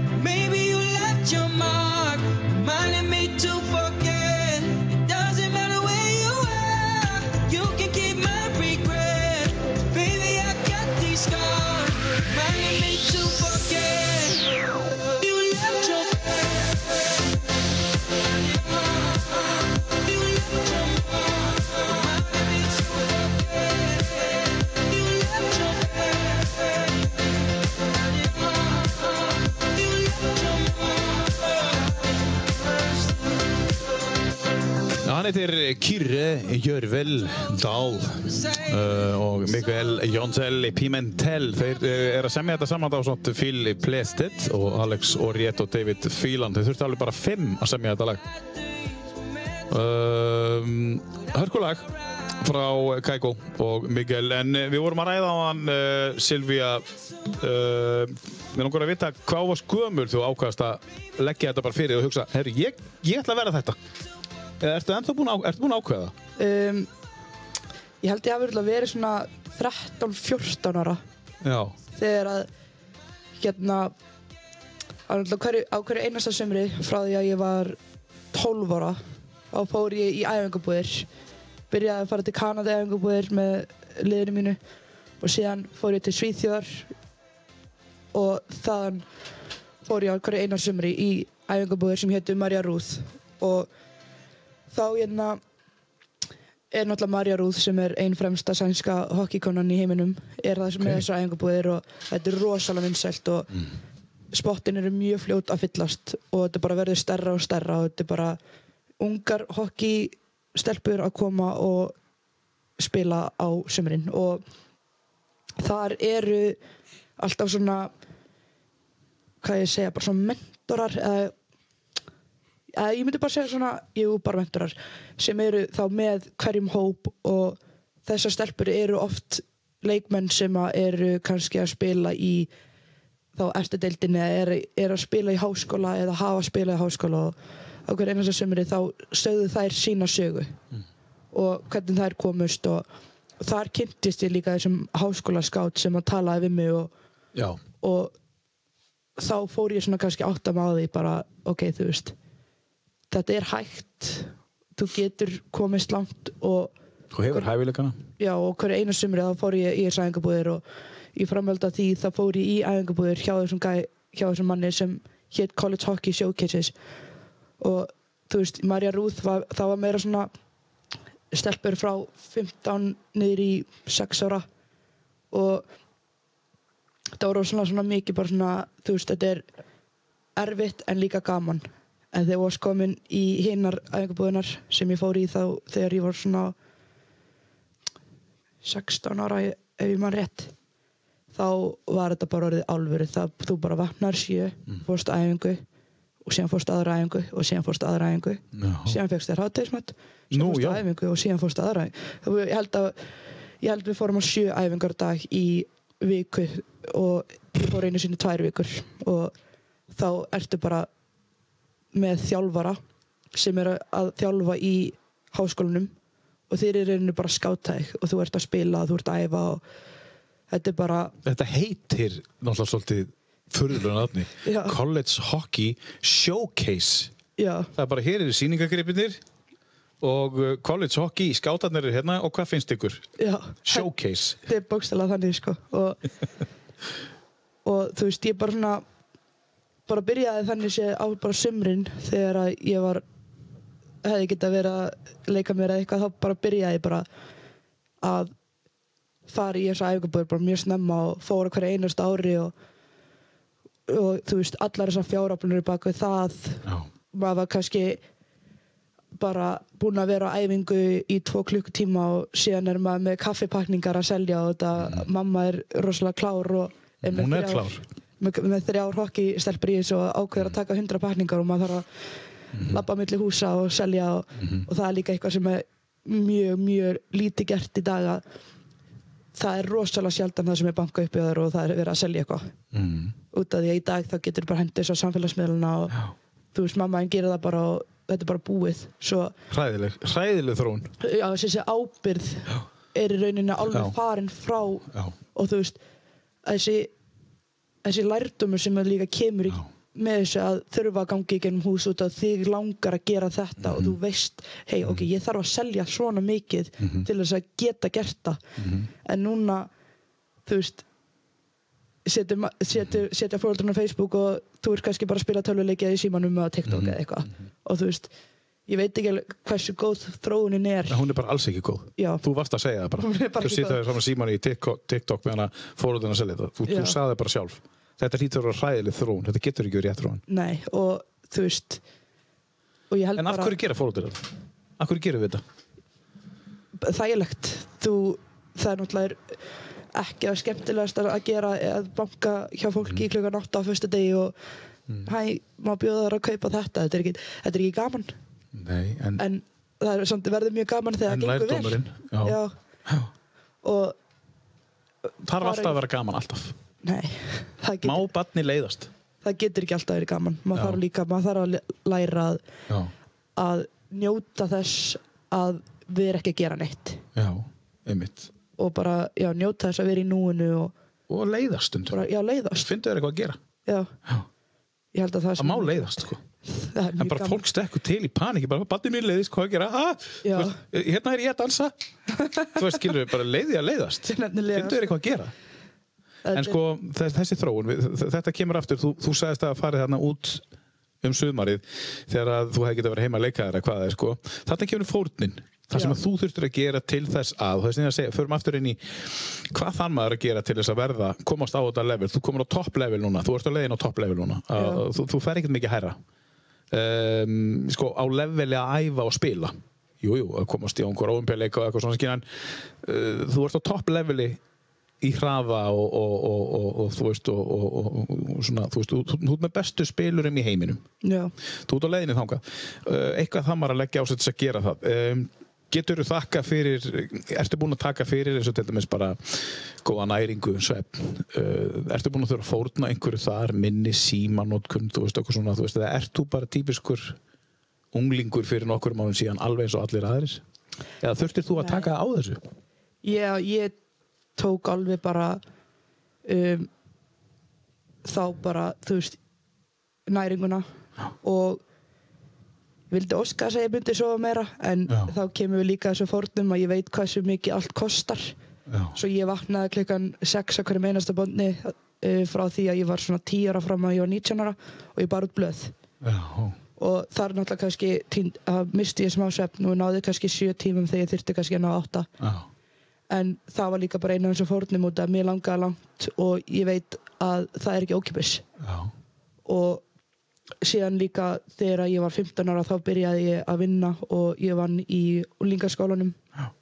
frá 8 til 12 fór sér í samkaup og vann þar 1 til hvað var 6, 7 já, og síðan næsta sumar þá byrjaði ég að- vinna í bakarínu vann þar 6 til 12 og fór þaðan og vann í samkaup frá 1 til 7 og um helgar þá var ég ofta að vinna 5 til 8 já, og það var bara þessi þessi bara þessi drifkraftur hjá mér held ég að ég vissi hvað allt kostaði og mér langar að ná langt og ég þarf að eiga efnaði mm. af það er ekkert frítt og þú veist þú þarf bara að vinna. Mhm, og það var bara það sem ég gerði og, og þú veist ég hafði alltaf þessa drauma og síðan oft kannski eftir vinnu þá fór ég neyri höll og þá var svona skotsveði og ég skaut 200 pekkjum. Og æfði með að miða og síðan var ég alltaf með kilfu og bolta því ég var yngri og æfa ný trikk og þegar við stend í rauðinni á æfingu þá er ég kannski búinn að sjá eitthvað trikk á Instagram og ég sé ok, þetta er flott, ég ætla bara að æfa mig og síðan æfi ég mig og ég æfi mig. Og ég segi alltaf þetta kem, þetta, þú nærður þessu aldrei fyrstu tilraun. Þú þarft að mistaka svona cirka 2000 sinnum þá nærður þessu einu sinni og síðan aftur eftir að mistakast aftur alveg nokkur sinnum. En síðan þau ert komin með þetta þá byrjar, byrjar bara að mastera eitt múf og það er bara eitt múf já, maður þarf að hafa mörg múf og það er, einmitt. myndi segja þessi þólunmæði að hafa já, eins og ég var að segja, ég er teknileg leikmaður að hafa þessa þólumæði að læra eitthvað eitthvað flókið eitthvað, eitthvað skemmtilegt, eitthvað, eitthvað flott. Mhm, og sa saman með skotin þú veist, þú var að læra miða þú þarft kannski að standa í hálftíma, 40 mínútur eftir æfingu og er bara miða á eitt stað. Já, en það er bara rosalega fáir sem gera það. Já. Þú Eða- gerir það? Já, á sumrin þá tók ég rosalega oft miðið á þá útisveðum. Get, getur þú þakkað þessu fyrir sko þá náttúrulega bara sjálfur þér en, en þessum æfingum fyrir hvert þú ert á leiðin í dag og getur þetta verið ráði úrslitum að þú sett að fara eitthvað en ekki kannski einhver annar? Já, það gæti alveg þessar auka æfingar, þessar auka fyrir, fyrir hverja litlu hræfingu að taka þessi 2000 mistök. Ég held að það geti líka verið það og, síðan bara þessi vilji og þessi, já, þessi vilji sem er með að gera þetta Þú ert búin að þurfa þá að segja nei við vinkunnuðar og vinina bara, ég kemst ekki að vinna eða herri, nei, ég þarf að fara á æfingu og þá er kannski klukkan nýja á kvöldin eða hvað er þá, þá bara kemstu því meður ekki að því þú ert að já, ég segi þarf ofta að segja, segja nei, æ, ég get ekki hort að bachelor í kvöld, ég Mhm. er að fara á einhver En hvað gerir það fyrir þig þegar þú ert á leiðinni eða þú hugsar út í þetta eins sem þú ert búin að þurfa að fórna? Hvað gerir það þegar þú ert á leiðinni bara mjög ána með sjálf mig sko. ég, þú veist, ég kem he- heim á sumrin og ég nýt þess að vera með vinnum mínum og Já. síðan fer ég fer í burtu í nokkra mánu, kemur heim jólin og ég tek þess að félagslið þörf sem ég hef á sömurinn og, og um jólin Mhm. og hitti vini mína og, og leifi mér alveg smá að bara slaka á áður en að ég þarf aðeins að up the tempo aftur út af þú getur ekki verið að þú getur ekki verið 100% í 12 mánu þú þarft að ákveða hvenar þú ætlar að vera 100% og hvenar þú verður kannski 60% Mhm. og Já þá ákveður að verða 60%. já, þú veist, Já, bara út af ég veit, þú veist þú ert bara með leik, þú veist, að spila hokkileik og hann er klukkutími og í hverri lótu færðu kannski tíu skiptingar.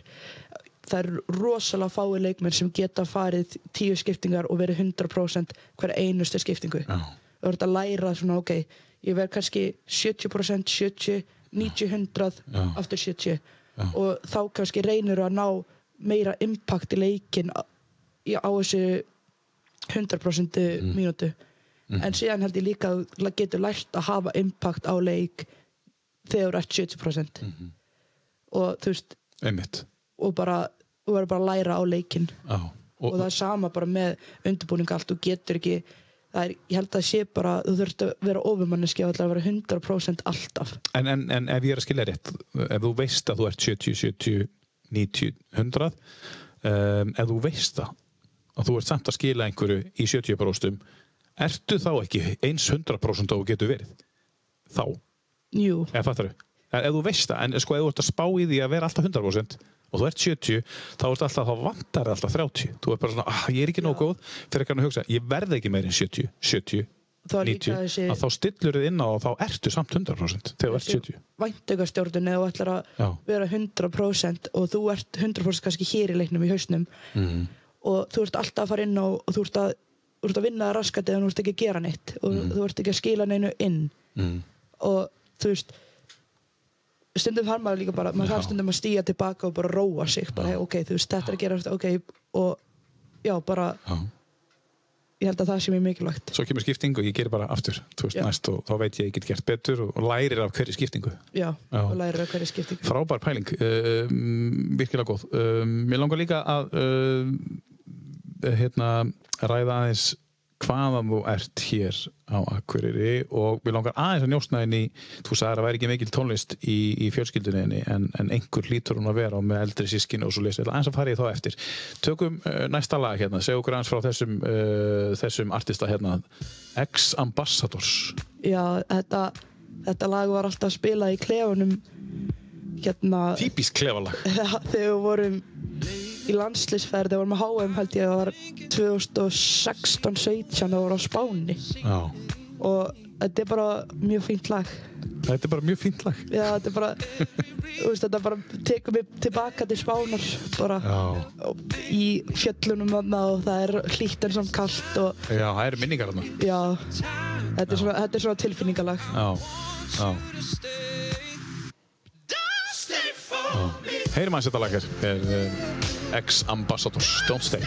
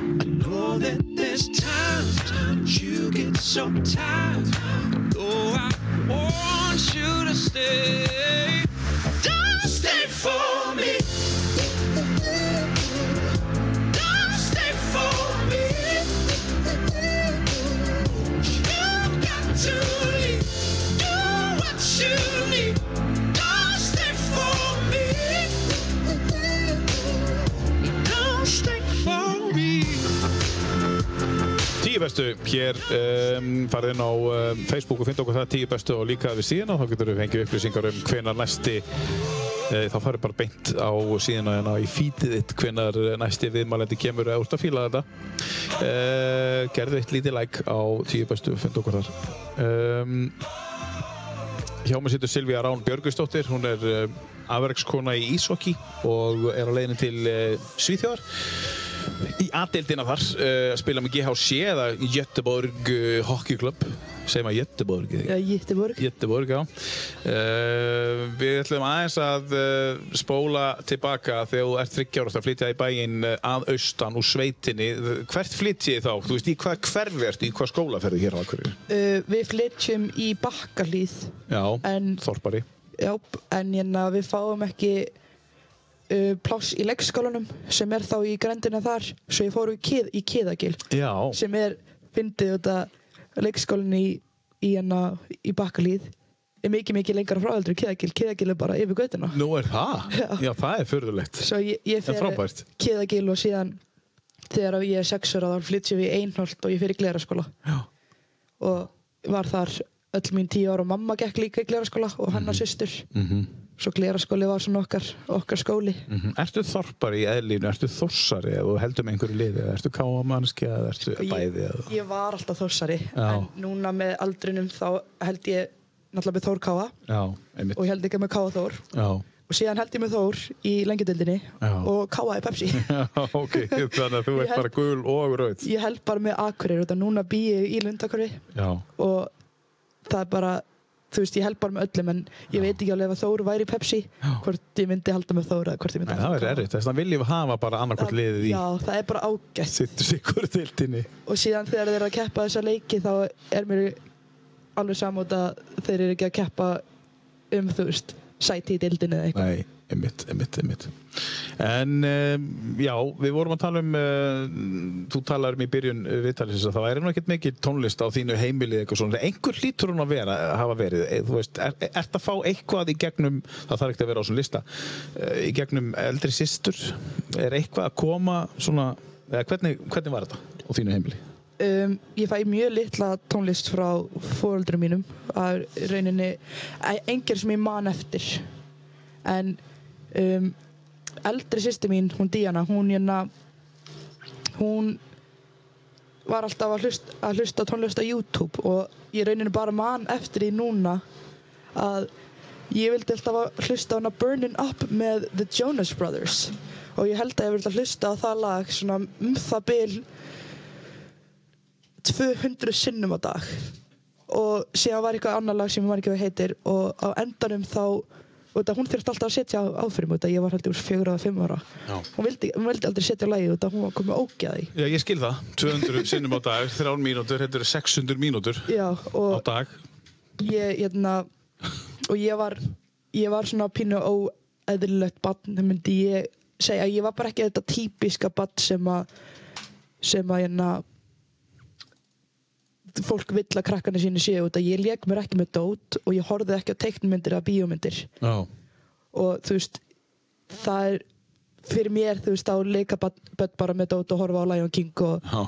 og þannig voru sýsti mínar en ég leik mér bara með bolta og, Já. og inn á milli þá ho- horfði ég á Pop TV sem var Já. hérna gömul tónlistarstöð sem er eins og síminn Spotify já. er núna eða eitthvað já. og þar satt ég kannski og horfði bara á tónlistamindbund og hlustaði á tónlist Hvað hétt þetta lag með hérna Jonas Brothers? aftur? Burning Up Burning Up, já. Já, já. Skulum reyna að finna þetta með þú varst að spjalla hérna. Það er bara Burning Up. já, í dag sko þegar ég hlusta þetta lag þá er ég bara svona ok Já. Hvernig hlustaði ég að þetta svona ógeðsla oft þetta lag hérna, þú hlustaðir þú á 200 sinnum á dag. já, ég held að angurs að það hafi verið það oft sko En það er svona, þegar maður er lítill, þá fann maður ástóðstu við eitthvað lag og segja ég elska, ég elska, ég elska, ég elska þetta lag. já, Og þá getur maður bara hlusta á það, kemur, kemst ekkert annað að. nei, Þetta er lagið, Burning Up, já. 200 sem ég skil alveg okkur í sýsti ég fekk ógið á laginu, sko. Ekki það að þetta er svo slæmt lag, bara þetta er svo oft, þetta sko. er bara ég er alveg búin að koma ógeð í dag sko Þú hlustar ekki á þetta í dag, eða? nei, Hlustar á Jonas Brothers í dag? já, rosalega lítið Já. Ég hef hlustað mikið þegar ég var yngri og þegar við voru hana mjög stórir. Þegar ég, ég var náttúrulega bara unga bat, sko. En þú veist að tala um að uh, svona, þér, þér líður eins og, og, og, og hérna, börn eiga leika sig með dóta allan daginn og okkur svo leis og okkur svo en Já, það er bara normið. það er normið, sko. Já. Já. en þú gerir það ekki. Þú bara ég bara hlustaði á tónlist og lék með bolta og Varstu svolítið út um allt bara? Bolti í eina mínútu, svo gera eitthvað annað í eina mínútu og svona, þú veist, eða náður að festa því í einhverju leikjum? ég veit það ekki ég, mjög, ég veit að ég var mjög lítill föndrar og ég var mjög lítill svona ég, ég held að ég hafi lí, lí, verið bara út um allt Já, já, bara verið út um allt já. sem er bara skemmtilegt það er bara þannig, en eh, það kemur ekkert svona í gegnum eldri, þú veist menn nema burning up, Já. bara, það er svona eina sem að, sem að kemur síðan þegar ég flutti einhaltið þá náttúrulega kynntist ég mínum besta vini og mjög þekktur í dag uh, Brynjar Steit Gilvason betur þekktur sem Binni Glí Já, já, já, og við bara sátum oft bara tímum saman og hlustuðum á YouTube og vorum bara að hlusta á fullt af lögum og hlustuðum mikið á Nicki Minaj og þú veist, og við bara, það var það sem við gerðum saman, við varum alltaf hlusta tónlist og syngja og þú veist Mm. Og ég held líka þaðan kemur, þú veist maður er, þú veist, á þessum æsku árum. Mhm. maður hlustar svo mikið tónlist og í dag þá hlusta ég rosalega mikið tónlist, bara ekki sömu tónlist og þá, Nei, aðeins betri tónlist. Já. Já, ég er bara öðru í síðan mér en þú veist, hún var góð þá. Já, þá, þá, góð þá þá. var þessi tónlist sem þú ert að hlusta á núna áttu hún ekki séns. Nei, ekki, nei, ekki þegar þú ert að hlusta á Jonas Brothers dæmis en það er svona sem, er svona sem tónlist er öruglega hún kemur til þín og svo fer hún og svo kemur eitthvað annað svo fer hún, en það er alltaf eitthvað sem að situr alltaf, þú veist. Áttu er eitthvað svoleið sem er bara það kemur bara og það er bara. Það er fyrir, bara fyrir, utan, fyrir utan kannski þessa hérna sem er bara komin til að vera líklega sem við förum í og eftir. En eins og til dæmis þetta hérna veist, hvaðan Já. kemur þetta, þetta er, svona, þetta er næsta lag sem við viljum að spila hérna. Um, hvaðan kemur þetta hérna? sko ég heldur að fyrsta minningi mín þá á Coldplay sé það að eldri sýsti mín var alltaf að hlusta á. Það þarna kemur það. Og síðan bara svona einhvern veginn með árunum þá bara finn ég þetta lag og þetta er bara þetta er svo fallegt og mm. þetta er bara svo geggja lag, ég veit ekki hvað það er það er bara auðvitað, þú veist, þessi árar í kringum að hvernig þeir spila það og síðan alltaf er hann að aðalsöngvarinn sem ég man aldrei hvað heitir. Chris já, Martin. Crossmaster, hann er geggjaður og sýsti mín fór á tónleika með þeim í Gautaborg held ég fyrir svona tveim, eða fyrir COVID. Já. og ég er ekkert eðlilega öfundsjúk að hafa ekki farið En þú ert eini, þú ert, að, þú ert að fara á svo marga tónleika í Götaborg núna að það hálfa verið nóg. Þú, þú ert að fara á tónleika hver einstu helgi, sko. ég vona það Þú sko getur valið þér nema þú sett alltaf að spila á sama tíma. Það er alltaf að vera hæðilegt. spila 36 leiki Spila líklegast ekki- 36 leiki, sko. líklegast ekki hafa tíma fyrir tónleika Þið spilið ekki yfir sumarið. Nei, Þú segir það, hvað, þú veist, við erum talað um 52 helgar á ári og það eru þá 12 á sumrin, það er þá 40 eftir já, og þú ert að spila 36 leiki, bara alltaf og það kom á jólin í það líka. já það er spilað tveir leikir um allar helgar Já, tvei leikir allar helgar. Já. já og síðan fær maður það sem kalla landsliðspása sem er þá ekki pása og það þú ert að fara í landsliðsverkefni En það er gaman að þetta heitir landsliðspása. Já. Já, einmitt. það er ekkert sem heitir mental health pása eða Nei. recovery pása Kannski er eitthvað þegar þið komin á þetta level þá vilt ekki fá að mikla pásu. Nei. Þú vilt bara halda áfram með það ekki. þú þarft að, að fylgja bara skriðþungunum sko. Já. Förum aðeins í, í þá umræðu eftir. Eh, Hlustum aðeins á uh, Coldplay og þetta frábæra lag af Parachute sem heitir Yellow. You know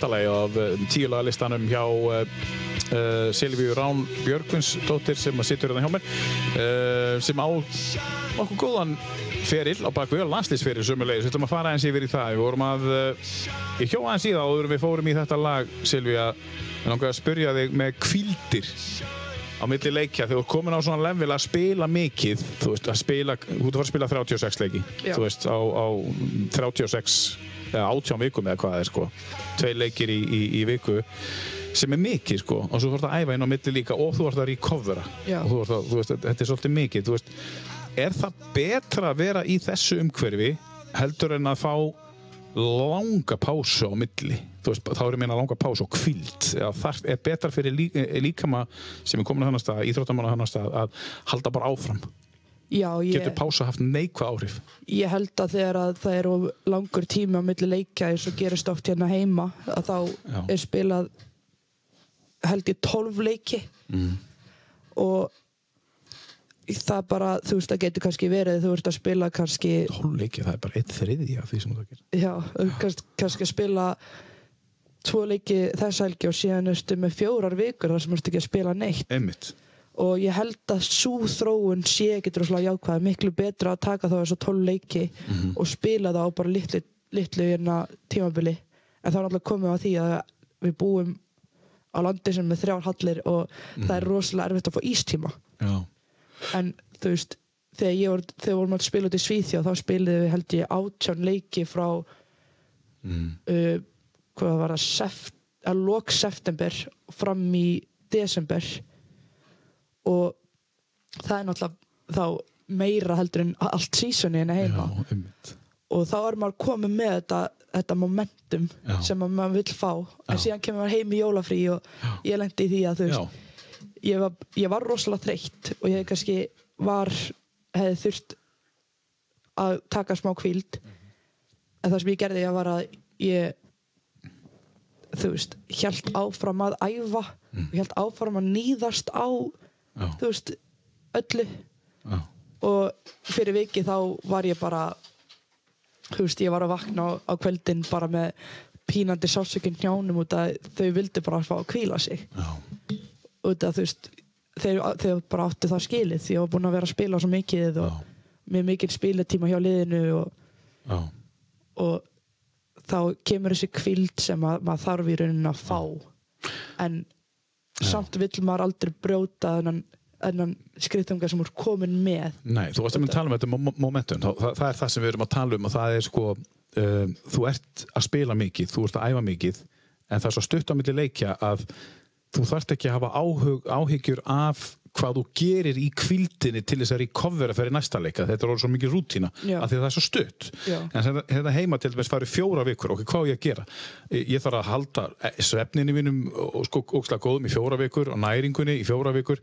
Þú veist, en, og, og þú ert í rauninni að halda rútínu meðan það er ekkert um að vera. Og það líka gerist oft þegar að sérstaklega hérna heima mikið bara svona áhamanna dæmi að ef það eru langur tíma með leikja þá eru kannski bara helmingurna liðinu að mæta á æfingar í þrjárvíkur Já, og síðan þegar viku fyrir leik það byrja allir að mæta. Já. og það er svo pirrandi þegar að þú veist, maður er alltaf að mæta og maður hefur þessar væntingar og þú þarfst að bæta þig og þú veist að langar að gera betur. En þú getur ekki út að þú þarfst ennþá að hafa cirka 12 manneskjur á æfingu til þess að geta gert eitthvað að viti. Já, og þegar maður kannski nýju manns að mæta æfingu og maður bara svona, þú veist jújú, jú, ég get bætt mig í mínum persónlegu, þú veist tækni æfingum sem ég langar að gera eða æfa skoti mín eða styrkin eða hva, hvað það er.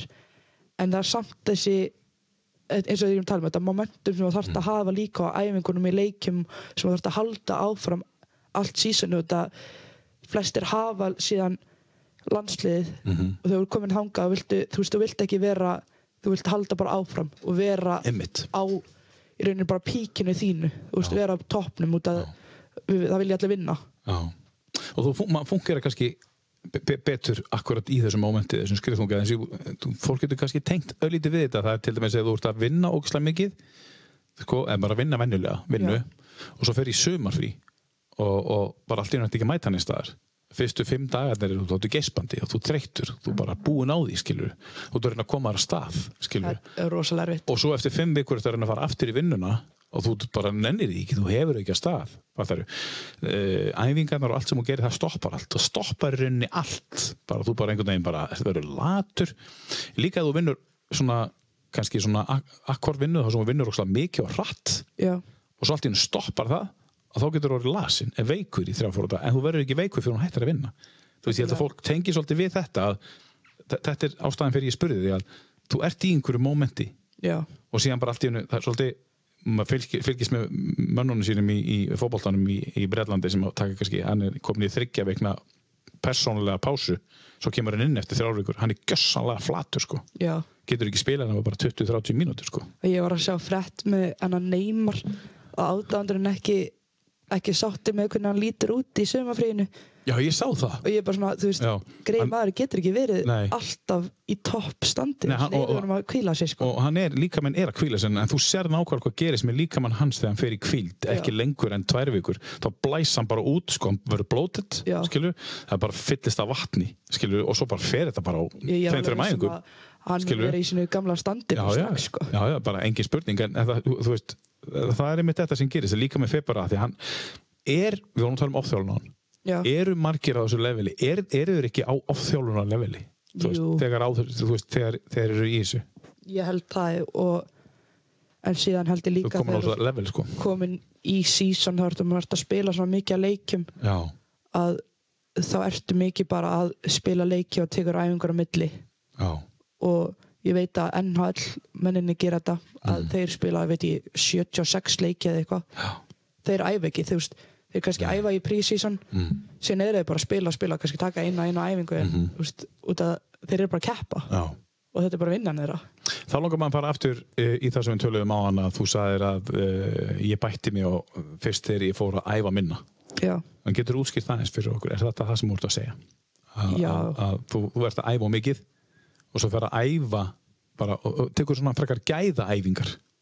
já. Þrjár, fjórar gæðaæfingar í staðan fyrir tólf sem er ekki góðar. Sem það sem að það var, gerðist það sem að þegar ég flutti til Svíþjóður þá var ég hætt þú veist en ég fór þá var ég að spila með kvennaflokk og öðrum flokk karla og stundum var ég að spila tvo leiki röð út að mm -hmm. sambandi bara planaði þannig að annarflokkur og Já. kvennaflokkur var með leiki á sama dag svo ég var kannski að spila með strákunum og síðan er ég bara veist, strax að undirbúa mig í leiknum með tvö Einmitt. þú veist að spila þá tvo leiki á einum degi og það er bara Það er náttúrulega bara bull. Já, Í rauninni stríðir gegn öllu sem er heilbrikt og rétt. já, en þú veist, þá, þá náttúrulega er þetta annarflokku karla og, og þú veist, Já. stelpa á í rauninni ekki að vera þar út Nei, það var þannig að maður maður hérna eftir þriðaflokk þá er Mm. bara sem kona þá ertu bara búin og þá byrja bara brútal tæklingar að koma inn í að þú getur sótt um að vera tvö ári viðbútt þá getur þú verið tvítur Af, af hverju á kona hætta þegar tæklinga byrja? Út, eh, út af hverju er það? Ég átti sömu umræði við Herborgur Rutt Kirstóttir þegar hún kom inn það. ég veit að mér finnst þetta ógæslega aðslanett ég, ég veit það ekki sko. En af hverju? Er, er, er þetta ekki bara gömul úreld ég, regla? ég, held að, þetta- ég held að þetta sé nefnilega bara Hefur þetta eitthvað með badnegnir að gera eða eitthvað, þú veist? þá ætti frekar að hætta tæklingum hjá köllum út að þú veist, þeir er- eru alltaf fá einhver, einhver högg á pungin og eru að deyja þú veist, Þetta er svolítið skrítið. maður hefur aldrei heyrt að já, konan má ekki fá högg á þú veist, Já. leið út að það getur ekki eignast barn ég, ég skil þetta ekki, ég bara ég á mjög erfitt með að skilja þetta En hverju taka ákvörðinu þetta? Er það ísokki sambandið eða? Er já, bara eða, þú veist, það er bara ísokki samband heimsins, heimsins? bara. Já, já. En Og þetta er einhver reglu frá 1900 og eitthvað. já, sama með það að við meðum ekki spila með gler.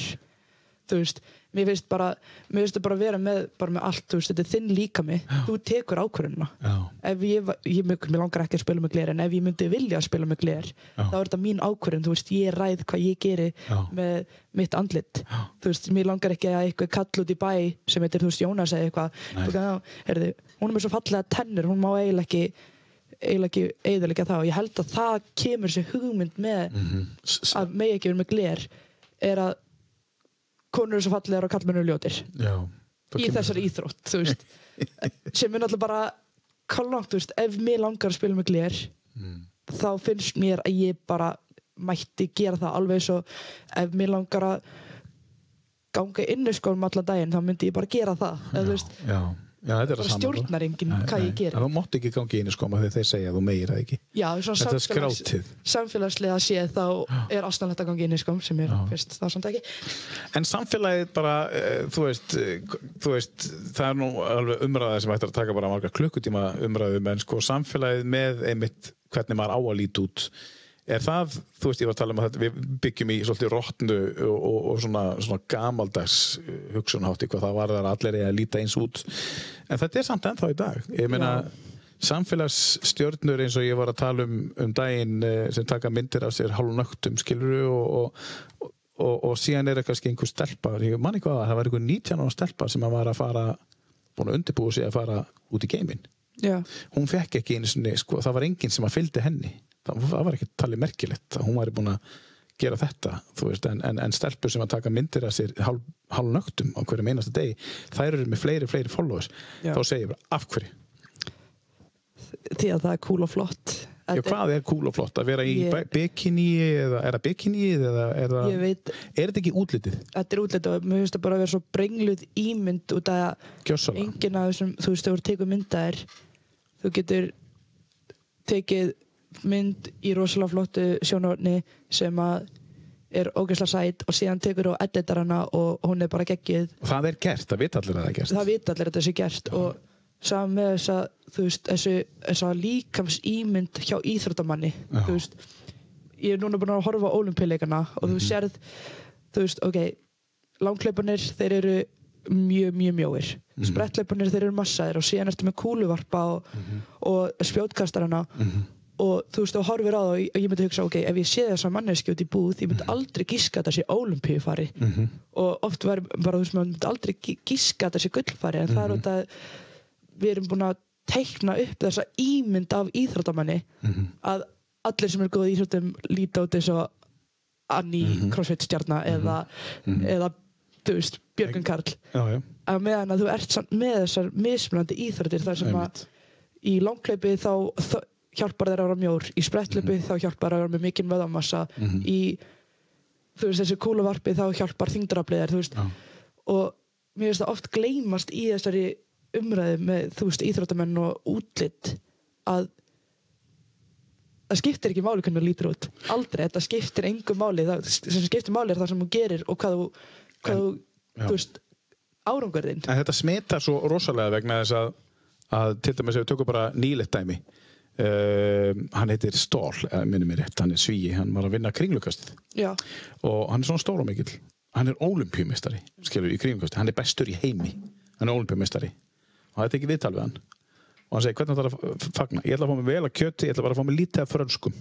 Ég ætla ekki, ég ætla að passa veist, skilur hann er að gera grín. Hann er samt að tala um sko einhvers konar, ég má ekki borða franskar, ég má ekki borða skýtt með hvað hann borðar, hann er ólipjumistari Já. skilu, akkur við að tala um ég ætla að passa að borða á lítið af frönskum ég ætla að borða vel að kjöti. Hvað er hann að presentera með þessum orðum? Það er, þú veist, ég er að segja smitast þetta upp í fólk sem er komið á topp top level? Er, er þetta komið, er þetta, er þetta orðið það mikið vandamál, myndi ég segja að, að, að, að þessi einstaklingur sem er sko sem ég ber mikla viringu fyrir, hann er olimpíuleika, hann er bestur í heimi, hann vann, það eru tveir svíjar sem lendi í fyrsta og öðru sæti í, í, í grímgastinu og hann er að tala um þetta. Ég, ég, ég, ég skil ekki hvert er hann komin í þessu. Neða síðan líka bara að Eins og ég er búin að skiptir ykkur um máli hvað hann er að borða? Þetta er bara, þetta er bara jafnvægi þú veist. Ég er núna búin að vera hjá Ingatorfa í hérna næringaþjálfunni á hann, honum. Já, og með þetta jafnvægi að ég fann eiginlega strax þegar ég byrjaði að borða þetta x mikið af kálunum, þetta x mikið af prótin og, og þú veist, það skipti ekki máli hvaðan ég var að fá þetta. Auðvitað reynir maður alltaf að fá gæða næringu. Já, en þú ert komin, þú veist, á þennan stað og þú vilt alltaf standa þig vel og þú vilt vera með nógu mikið bensín á tanknum já. Það snýst um það? Þetta snýst um það og þú veist ef ég á segjum að ég er bara 700 kolvinni inni Já. sem að ég á ekki inni en þú segjum bara það þú veist, þá þarf ég einhvern veginn að klára það Já. og þú veist so what þótt að ég myndi fá mér um, hambúrgara og franskar Já. ef ég gera það rétt þá á ég bara efna á því Mhm. en það er oft með þessa þessa bara mýtu, þetta er bara, þetta er bara myth að þú þurfur að borða kjúkling og hrísgrón í öll mál, þú veist Mhm. Það er ekki svoleiðis, þú svo- verður bara að finna jafnbæið sem að hendar þér. Já, svo, svo er ég mynd að tala um þetta að, að hann er augljóslega þessi, þessi íþróttamaður sem ég var að tala um á hann, hann er augljóslega að bóla rétt af því hann er olimpumestari í þessari íþrótt og það er engin betri, hann er augljóslega að gera allt rétt. Hann er samt að setja út á það sem hann á ekki að gera, skilur hann er samt borðaði franskar Já. borðaði kjöt, af því að það er greinlega hjálpa þér eða þú veist, fattaru uh, sko uh, ef að eh, einhver samfélagsstjarnar, einhver manneski sem lítur út einhvern veginn sem er búin að editera myndina sinni, hún get aldrei keft í kringlukasti, hún myndi ekki nána um skilu. Nei. Ég skil ekki, hvað eru við var með okkur við, skilur við mig, veist, skilur við mig, hvert eru við komin? þetta er bara, þetta er raunin bara útlitt styrkun sem að ítur undir svo ótrúlega mikið af geðrænum vandamálum þú veist, það er kvíðin þegar þú ert að posta mynd á Instagram óf, er ég ekki náma flott það er þessi þú veist, ó, þessi lítur mikið betur út en ég. Hva, hvað þarf ég að gera til að líta svona út? Já, og þú varst að vera hann. já, og þú veist, maður gleymir maður gleymir oft bara þessu að Já, við erum öll mismöndi eins og við erum mörg og þessi manneska getur lítið svona út en bara líka með minn mun aldrei ná því nema ég bara ég muni bara, þú veist alveg eiðilegja mig alla. Mm og Mm. þú veist og þetta er bara svona til þess að elda eitthvað til að elda einhverja ímynd sem er ekki raunveruleg sem er ekki nefnileg, sko. já, Já. Þannig að ég er að hugsa um litlu börnin, sko, og Já. ungu stelpunar og strákana sem eru að koma upp núna, skilur, og alast upp við þetta umhverfi. Hvað er hægt að gera? uff, ég taka þeim símana Taka þeim símana. þessi, sími er bara fangelsi sem þú ferð sjálfur inn í, sko En, en fóreldrar, geta þeir gert eitthvað með því að vera til dæmis ekki að fylgja svona fólki sem að uh, þú getur fylgt einhverjum sem lítur vel út og er að ná einhverjum árangur í íþrótt, ég er ekki að meina það. Já. en manneski sem er bara að presentera útlit og ekkert annað, hefur ekkert annað á bakvið sig. Meina á að vera að fylgja þannig einstaklingum? Ef þú ætlar að vera fyrirmynd barnaðan eða Mm. ef að börnin sjá hvað þú ert að gera? Já, ég held að ég vil nú ekki vera að fara í- Nei, bara, þú veist, við erum ekki nefna nefna við erum að, við erum að spyrja bara, ég er að spyrja álit. En ég myndi bara alltaf reyna, reyna að fylgja fólki sem hefur eitthvað upp á, upp á yfirborðið að segja sem Mm. Að hjálpar þér og, og þú veist sumir fylgja mikið af svona þessum influencer og meðan aðrir fylgja bara svona Mhm. þú veist svona quotes áfengu, eða ég veit ekki þú veist bara Já, sem eru bara einhverju textar og einhverju myndir og, og, Já, og og- einhverju quotes, já. og sumir fylgja bara svona inspirational fólki sem er alltaf Mhm. eitthvað inspirational og, og síðan kemur ég sem að ég fylgja bara vinni mína Já, einmitt. og því sé bara það sem þeir eru að setja Er þið hitt, væ- væri hitt að trubla þig? Ef þú já, ég líka bara já, að vera alveg hreinskilin ég hef bara engan áhuga á þessu fólki Nei, einmitt. bara, þú veist, ég nenni ekki að horfa á fólk sem að ég hef engan áhuga á Nei. og Sem hefur kannski ekkert fram að færa fyrir þig. nei, Já, ég meiri þess að veist, ég fylgja ekki hockey svona accountum út að mm. ég sé þetta bara ég, þetta kemur bara hjá Explore hjá mér Mm -hmm. þá er þetta ekki að yfirgnæja fítið mitt Mhm. út að, þú veist ég vil bara sjá þessi fáu skipti sem ég er nenni að skrolla niður Instagram og sé ég bara myndir hjá vinkunum mínum og læka það Mm Þú getur stjórnað því, þú meina að það er hægt að stjórna þessu. já, þú getur og þú getur stjórnað bara, þú veist algoritmanum með því að skoða bara ísokki að skoða bara næringu upplýsingar Einmitt, einmitt. og þá kemur þetta bara hjá þér sem er geggjað Ég skoðaði einhvern tíman eitthvað bara, fór, tók heilan dag í að skoða bara lopi og lopapeysur og garn og eitthvað svona sem ég hef engan áhuga á, skilur og það breytti bara algoritmanum mínum. Allt í var bara fann að sjá okkur auðlýsingar frá prjónabúðinni og eitthvað. Það var svo auðvitað að skróla framhjá því. Þetta er En ég fekk frið í sko. svona nokkra daga. það er mjög að það er að breyta Eins og Sam Cooke uh, söng, um, hann var reyndar að syngja um eitthvað allt annað, hann var að syngja um uh, baróttu uh, dökkamannsins. En þetta er á listanum einum. já Af hverju er þetta lag? þetta er alltaf eitt af fyrstu lögum sem ég man eftir þegar ég var yngri alltaf að hlusta. Já. Og hérna, ég veit ekki hvaðan það kemur, ég bara man eftir að ég var mjög ung alltaf að hlusta á þetta lag og, og þetta er bara svo fallegt Já. Lag sem að á við heiminn í dag. Já, einmitt. Og e- einhverja breytingu þarf í, í, í einhverja átt til þess að má- þetta sé ekki ef við taka. Það má alltaf breyta ykkur. Já. Um, að mínum að þarf þetta enga sérstakka ástæðu til að vera á top 10 listum hjá fólki. Þetta er svo ógeðslega gott lag. Þetta er bara svo gott lag, sko. þetta er Sam Cooke, A Change is Gonna Come.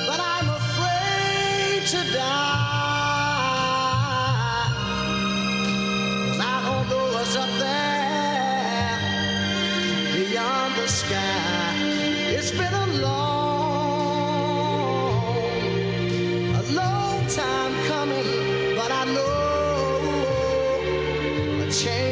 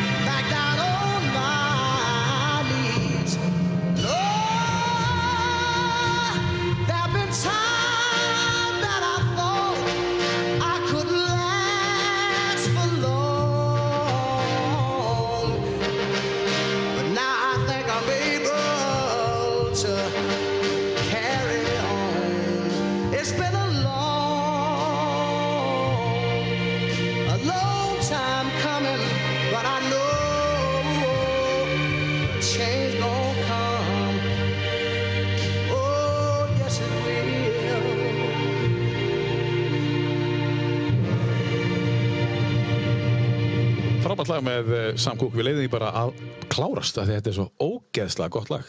Er það ekki? Jú, þetta er geggjalag. Já, og hérna, þú, þú hlustast stundum á svona, það er eitt gamalt í viðbót hérna sem að, við spila á eftir. Eh, með, með ekki síðri tónlistar konu sem að vera gaman að spila á eftir Eh, það er svona tvö, svona vintage lög hérna Já, ég ákvað að setja tvö svona eldri Já, sem að samt, þú veist, eins og næsta lag þá er bara, það er eitt annað eins og ég segi alltaf, þetta er bara svona tilfinningalag. Þetta tekur mig bara tilbaka á einhvern tíma sem ég mun aldrei upplifa aftur.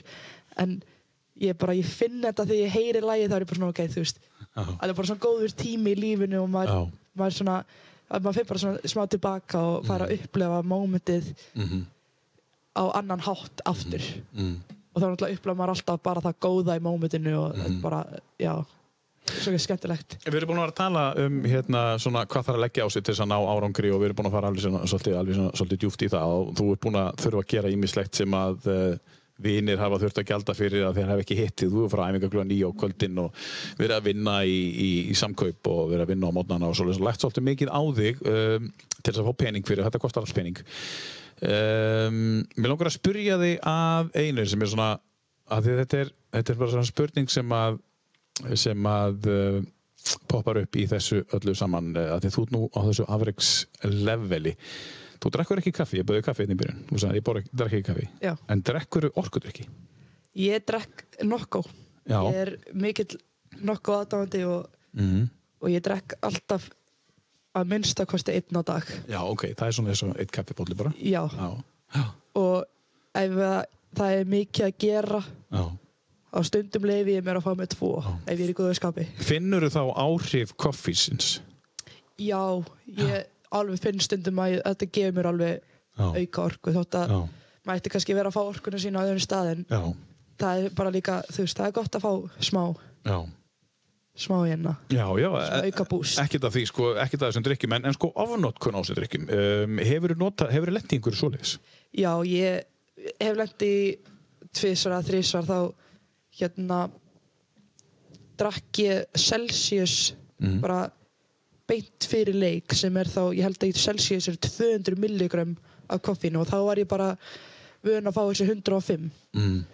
Já, fyrir Og- leik. fyrir leik, já, og síðan var ég að keppa leik þar sem að það voru ásynur innjur sem voru þá ásynur voru 20 pluss og innjur voru 20 mínus í SA Mhm. þá við spilum fjóra leiki á sísoni við hvort annað Mhm. og allir þessi leikir voru bara keppniskapi var svo mikið að Já. þú talar oft ekki við manneskina í viku eftir á þetta að þú varst ennþá pyrraður Þetta eru stó, stóru leikinir, þetta eru þetta voru stóri Já, leikinu vorum yngri þá var það. SA mútið SA og það var bara það voru rosalega jafnir og við fórum einhvern tíman við vorum oft bara að tapa eða vinna á seinustu sekundin í overtime eða Já. fara í vítakeppni og vítakeppnin endar að vera 40 mínútur og það ætlar enginn að tapa veist, og bara keppniskapi var rosalegt og þarna var ég og Sunna búin að drekka þetta og hjartað ég bara ég var í álfurinn stressuð að ég væri að fara að fá hjartafall Já. og við þurftum bara að fá bara svona asmapúst til að ná að anda og þetta var rosalegt og þarna voru við held í 16-17 ára og við ætlum aldrei að gera þetta aftur Nei. En viti menn þetta gerðist aftur já, Þá til varstu búin að gleyma þessu. var búin að gleyma þessu fórum við til Svíþjar og vorum minna þá vorum við að fara fyrstu æfingun okkar Mm. þetta var fyrsti dagur okkar og við vorum lendum um morguninn eða eitthvað þannig og við fengum okkur einn nokko og við vorum náttúrulega líka vanar því að fá okkur tvo svo við fengum okkur annan Já. við fengum okkur tvo nokko og fórum síðan á æfingu Mm. og annað út í Svíþjóð þá lyftum við alltaf í klukkutíma eða svona 40 mínútur og fórum síðan á æfingu í 1 klukkutíma og 20 mínútur. Svo þetta var cirka 2 klukkutímar. Já.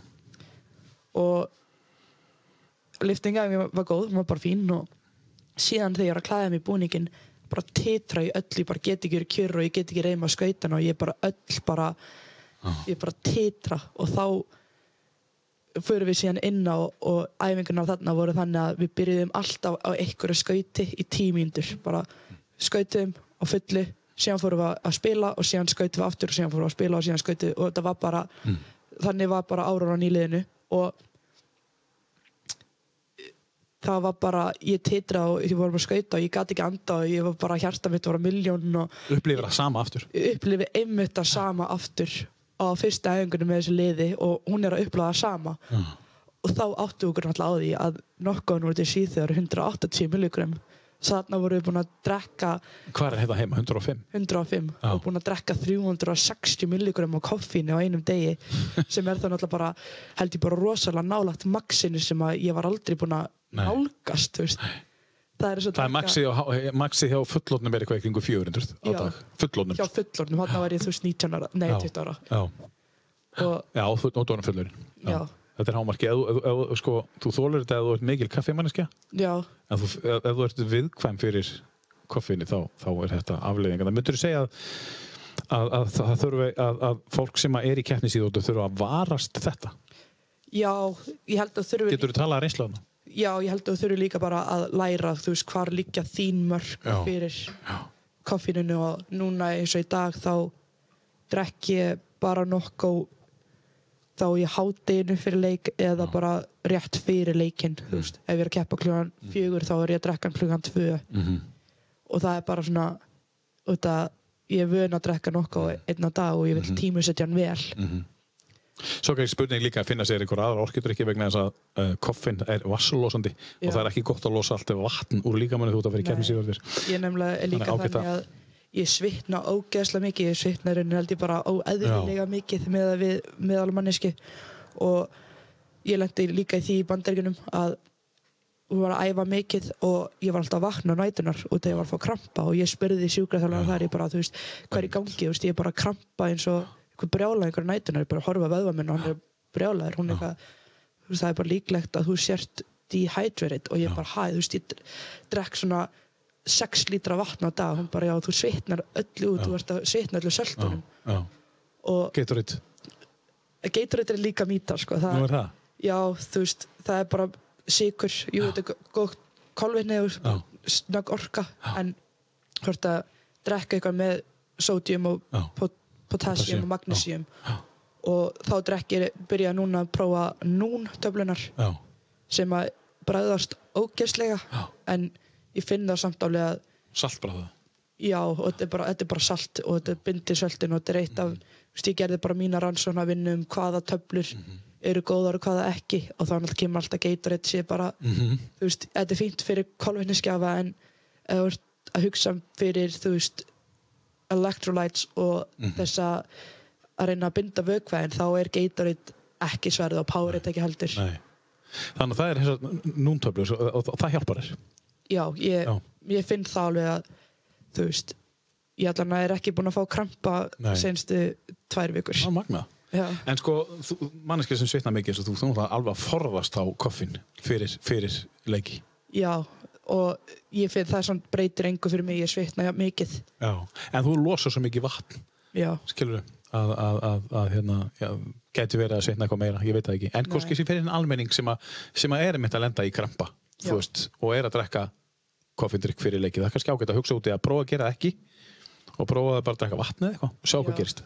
síðan er líka mjög sniðugt þetta er ekki hvert ég ætti að vera að segja þetta er að fylgjast með þvægininu Jú, um að gera, ef það er dökk, já, gult. þú bara það er regla nummer 1 og 3 Já. að þú, þú getur lært mikið á. Mhm. hvar vökva söfniðinin er bara því að læra hvernig þvægi þetta á að líta út sko. Sem er, já Ég skal segja sögu af, af þvægi og eftir þegar við erum búin að hlusta á hérna, skemmtir að segja. Uh, heyrum þetta lag með hérna, uh, já, hér erum við komin í, í svona eitthvað vintage, þetta er hitt lagið, þetta hitt gamla lagið. Uh, við erum að tala um uh, ettu nokkra James, hvernig kynnistu henni? um, það var alltaf bara með binna. Já, og við hlustuðum alveg á mikið af Ettu James og Aretha Franklin. Já, og þessum gömlu stórstjörnum já, sem eru bara, já, þú veist Beyoncé Who? Þetta, Já, er, einmitt. þetta er söngkonan veit. Heyrum þetta, I'd rather go blind af listanum hennar, Silvíu.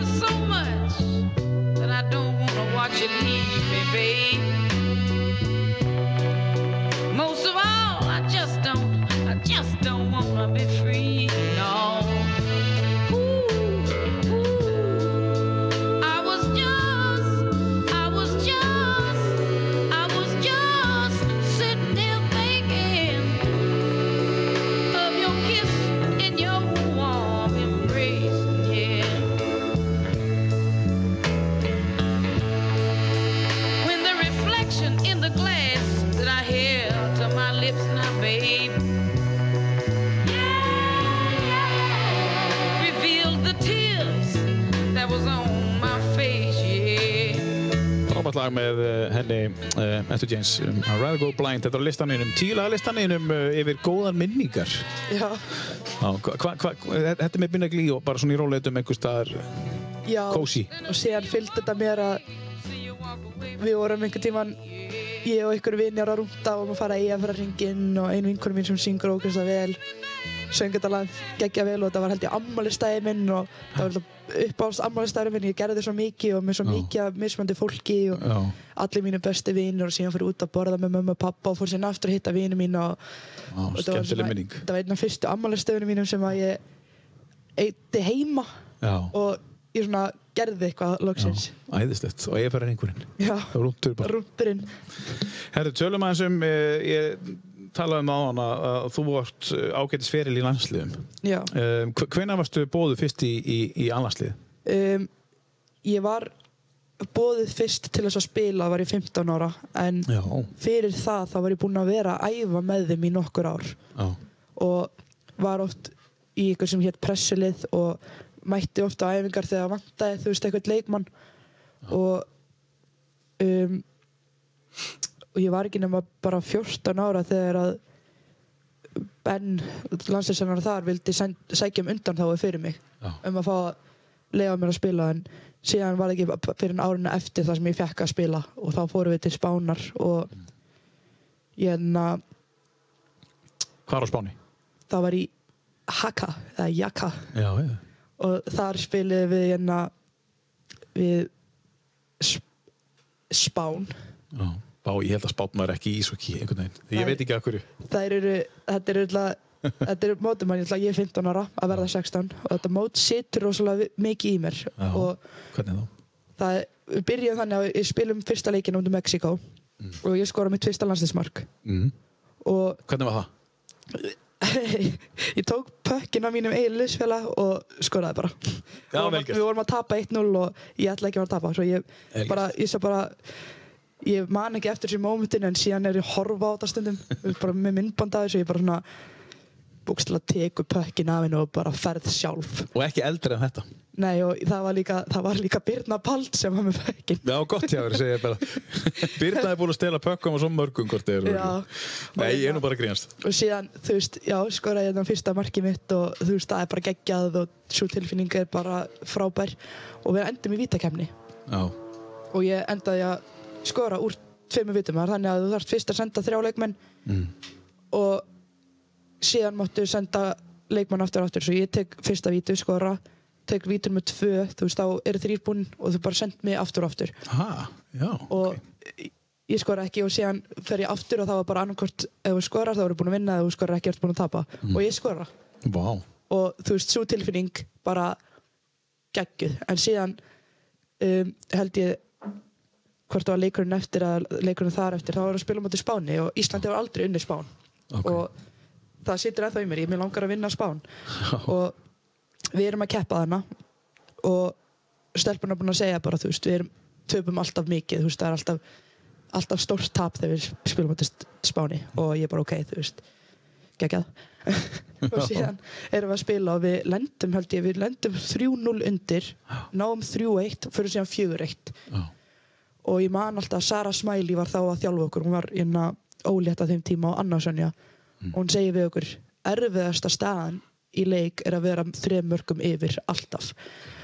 Og síðan fyrir við bara og náum bara að skora. Við fyrir 4-2, síðan fyrir 4-3 og síðan skorum við þegar bara sekundu brot eftir jöfnunamark Vá. og síðan bara fyrir við í þessa framlengingu og þú veist, síðan endum við í vítakefni og ég var búinn að standa mig svo vel í vítakefninu undan Já. og þarna erum við á, á Spáni að spila á móti Spáni og þau eru með stúkuna með sér Aldrei unni spán. aldrei unni Spán og þau bara þráði ekkert heitar þótt að þetta var fyrsta móti mitt Já.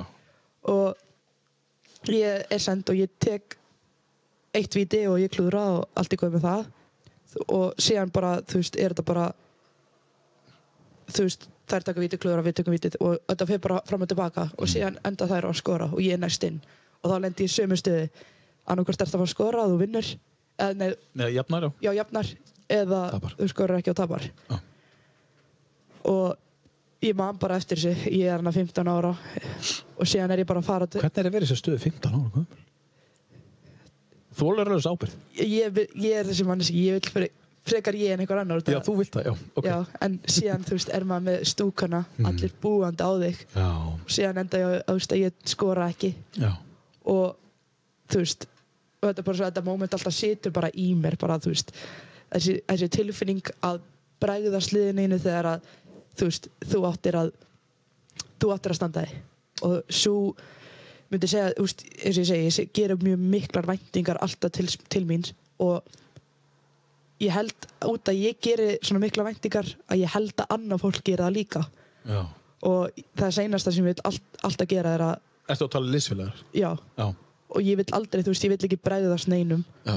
og þú veist, þessi tilfinning hefur alltaf sittir rosalega í mér og, og hérna, það var ekki fyrir en bara seinasta HM þegar vorum inn á Akureyri 2000 og 2020 á senasta fyrir bara COVID að þá vorum við íþróttasálfræðing með okkur og við spilum fyrsta leikamóti Ástralíu og við töpum 6-1 og ég skoraði ekki mark og ég er bara svona þú veist, það er mitt hlutverk, ég er markaskorari og þú veist, það er bara það sem ég á að gera og síðan finn ég þessa pressu frá mínum liðsfélugum og það er kannski að segja þetta kemur næst, þetta kemur næst. Og ég er bara svona, já, þetta kemur næst. Og á síðan koma þetta ekki. Já, já, að þú veist, þannig líður mér og það er náttúrulega þessi tilfinning. Og ég tala við íþjóttasálfræðingin og hann var bara, þú veist, þú verður bara að læra að setja þér önnur markmið líka, þú veist, erum kannski búin að hugsa bara, ok, þú veist, ég ætla að gera ég ætla að vera góð í þessu í þessum leik og hætta þessari þessari pressu alltaf að vera að skora mörkin og hugsa bara um eitthvað annað út af því að um leið og hugsa um eitthvað annað þá kemur þetta bara Já. og ég er bara ok, þú veist og síðan næsta leik þá hugsa ég bara ok, ég ætla að vera ógeðslega duglega að baktseka, ég ætla að vera geggja að baktseka Hvað er að baktsjaka? það er að skauta tilbaka, þú veist, ef þú missir pökkin Já, að bara skauta bara í vörn vera bara fljóti vörn. Ok. Og vitum enn í þeim leik þá var ég með tvö mörg eina stóðsendingu og valinn maðurleiksins og þú veist, þá bara Varst með einhver allt önni markmið var en bara, skora? var bara ekki með markmiðin og En þau geta vafist fyrir þér. Já, þú verður ég held ég að reyna bara að stjórna þessu, þessari álægi sem þú setur á sjálfa þig. En ég var líka með markmið þegar ég var yngri þá eftir þetta, eftir þetta mót þá þegar ég var 15 ára þá vinn ég MVP Íslands og já. síðan tekur blaðamæður mig í viðtal og spyr þú veist hvað, ertu með ykkur markmið? Og ég segi já, ég ætla að verða ég ætla að vinna besti sóknarmæður mótsins. Sérsta heimsumestarmósins já. og það var bara mitt markmið og þetta, þú veist þú getur unnið besti sóknarmæður, varnamæður og markmæður og Já, sóknarmæður, nei, varnamæður og markmæður ég get ekki unnið það, meir nei. Og veist, þá bara setti ég mér þetta markmið og hvað er það þá? Tveim árum setna þá vinn ég í fyrsta sinn. Og Já, þar næsta móti. Já, Já, og já, mótið eftir þetta fyrsta mót var ræðilegt hjá mér út af því þá var ég búin að setja mér allt og já þú ætlar að vera best. Já, ég var búin að setja mér allt og há markmið og allt og mikla vætningar á sjálf mig og stóðst ekki undir út af því ég ung og vissi ekki alveg hvernig maður á að stjórna þessum Mhm. væntingur sem að maður setur á sjálf þessu og síðan líður maður líka að fólk er sitja líka að pressa þig. Mhm. þótt að sé ekki svo leis en ég fer hana og vinn besti sóknarmaður 2017 nei 2018 Mhm. já, ég vinn 2018 síðan vinn ég líka 2019 og svo núna aftur 2020 T- Þrjú ári röð? Þrjú ári röð. Vá, ok. Og þú veist, það var ég bara svona þú veist, ok, markmiðunum mínum er þannig sé náðu þetta, ég ætlaði líka alltaf að toppa eina stelpu sem var í deildinu undan okkur sem kom inn í deildinu fyrir ofan, hún var með þrjú velin Já. besta svona maður, hún langi alltaf að toppa hana sko, Já, þú átt eitt á eftir það já, Já, til að vera betri til að vera betri nú, er betur nú, já. Já, þú er búin að jafna hana? Já, Frábært, til hann ekki með það og uh, þetta er eitthvað sem ég vissi ekki. Nei. En, en, en, en sko uh, markmiðin? Það, það fórst að það fórst með hjálp mjög, mjög færi þessi íþróttasálfæringu greinlega, hann fæ- færi til þess að hugsa um einhver annað Já. til þess að ná hinu markmiðunum. Já, að þú, þú, þú veist, ef þú einsettu er eitthvað eitt markmið og þú ætlar að vera best og þú stendur ekki nógu vel í þessum leik þá getur næstu leik verið eðilagst að þú ert að hugsa ég er ekki nógu góð í þessum leik, ég verð aldrei valin best. Já, skilu, en þú getur gert það ef þú ferð út úr þessu markmið og hugsar ég ætla, eins og þú sagði, ég ætla að bakktjaka meira. Já, þú ætla að gera, þú veist, bara eitt, eitt lítið markmið í, í leiknum held líka að að maður þurfi líka að læra ef maður ætlar að vera þú veist, komast langt og komast lengra og verða alltaf betri að þurfa að læra bara að ekki endilega gleyma leiknum á undan Nei. heldur að taka þá lærdóminn úr þeim leik Mhm. og nota hann í næsta mm -hmm. og samið veist að vinnur 10-0 þú kannski að þetta var svo léttu leikur en þú getur alltaf tekið mögulega einhverja góða hluti með þér og lært af þeim og nýttir þá og þá ertu alltaf að læra eitthvað nýtt og ert að bæta þig sjálf alltaf að bæta þig? Góða punktur, mjög góða punktur. Þó, þó að þetta sé easy leikur. Já, en það er bara spurning, þú að ná að setjast niður þá, eins og þú segir, gefa sér tíma í að taka eitthvað út úr leiknum fyrir að fara bara strax í næsta leika, gefa sér tíma. Hvernig, hvað geti tekið? Já og þú veist það er alltaf sagt eitthvað þú veist að þú stundur sagt bara já, þú veist þú hugsaður maður leiki í 5 mínútur mm. og síðan er þetta bara búið þú sér að ég er ennþá að hugsa um leikinn sem ég átti þegar ég var 15 ára. Ég veit það. út að ég, lær, ég lærði eitthvað á honum. Ég lærði, Og það er ennþá að taka út úr hún. ég er ennþá að taka ykkur út um ég lærði, þú veist, hvað, hvernig það er að bregðast ykkur um þessi tilfinning að maður vilja það ekki aftur og hvað ég þarf að gera til þess að mögulega ekki gera það aftur. Mhm. en síðan líka læra það þú veist, maður getur ekki stjórnað öllu. Þú verður einhver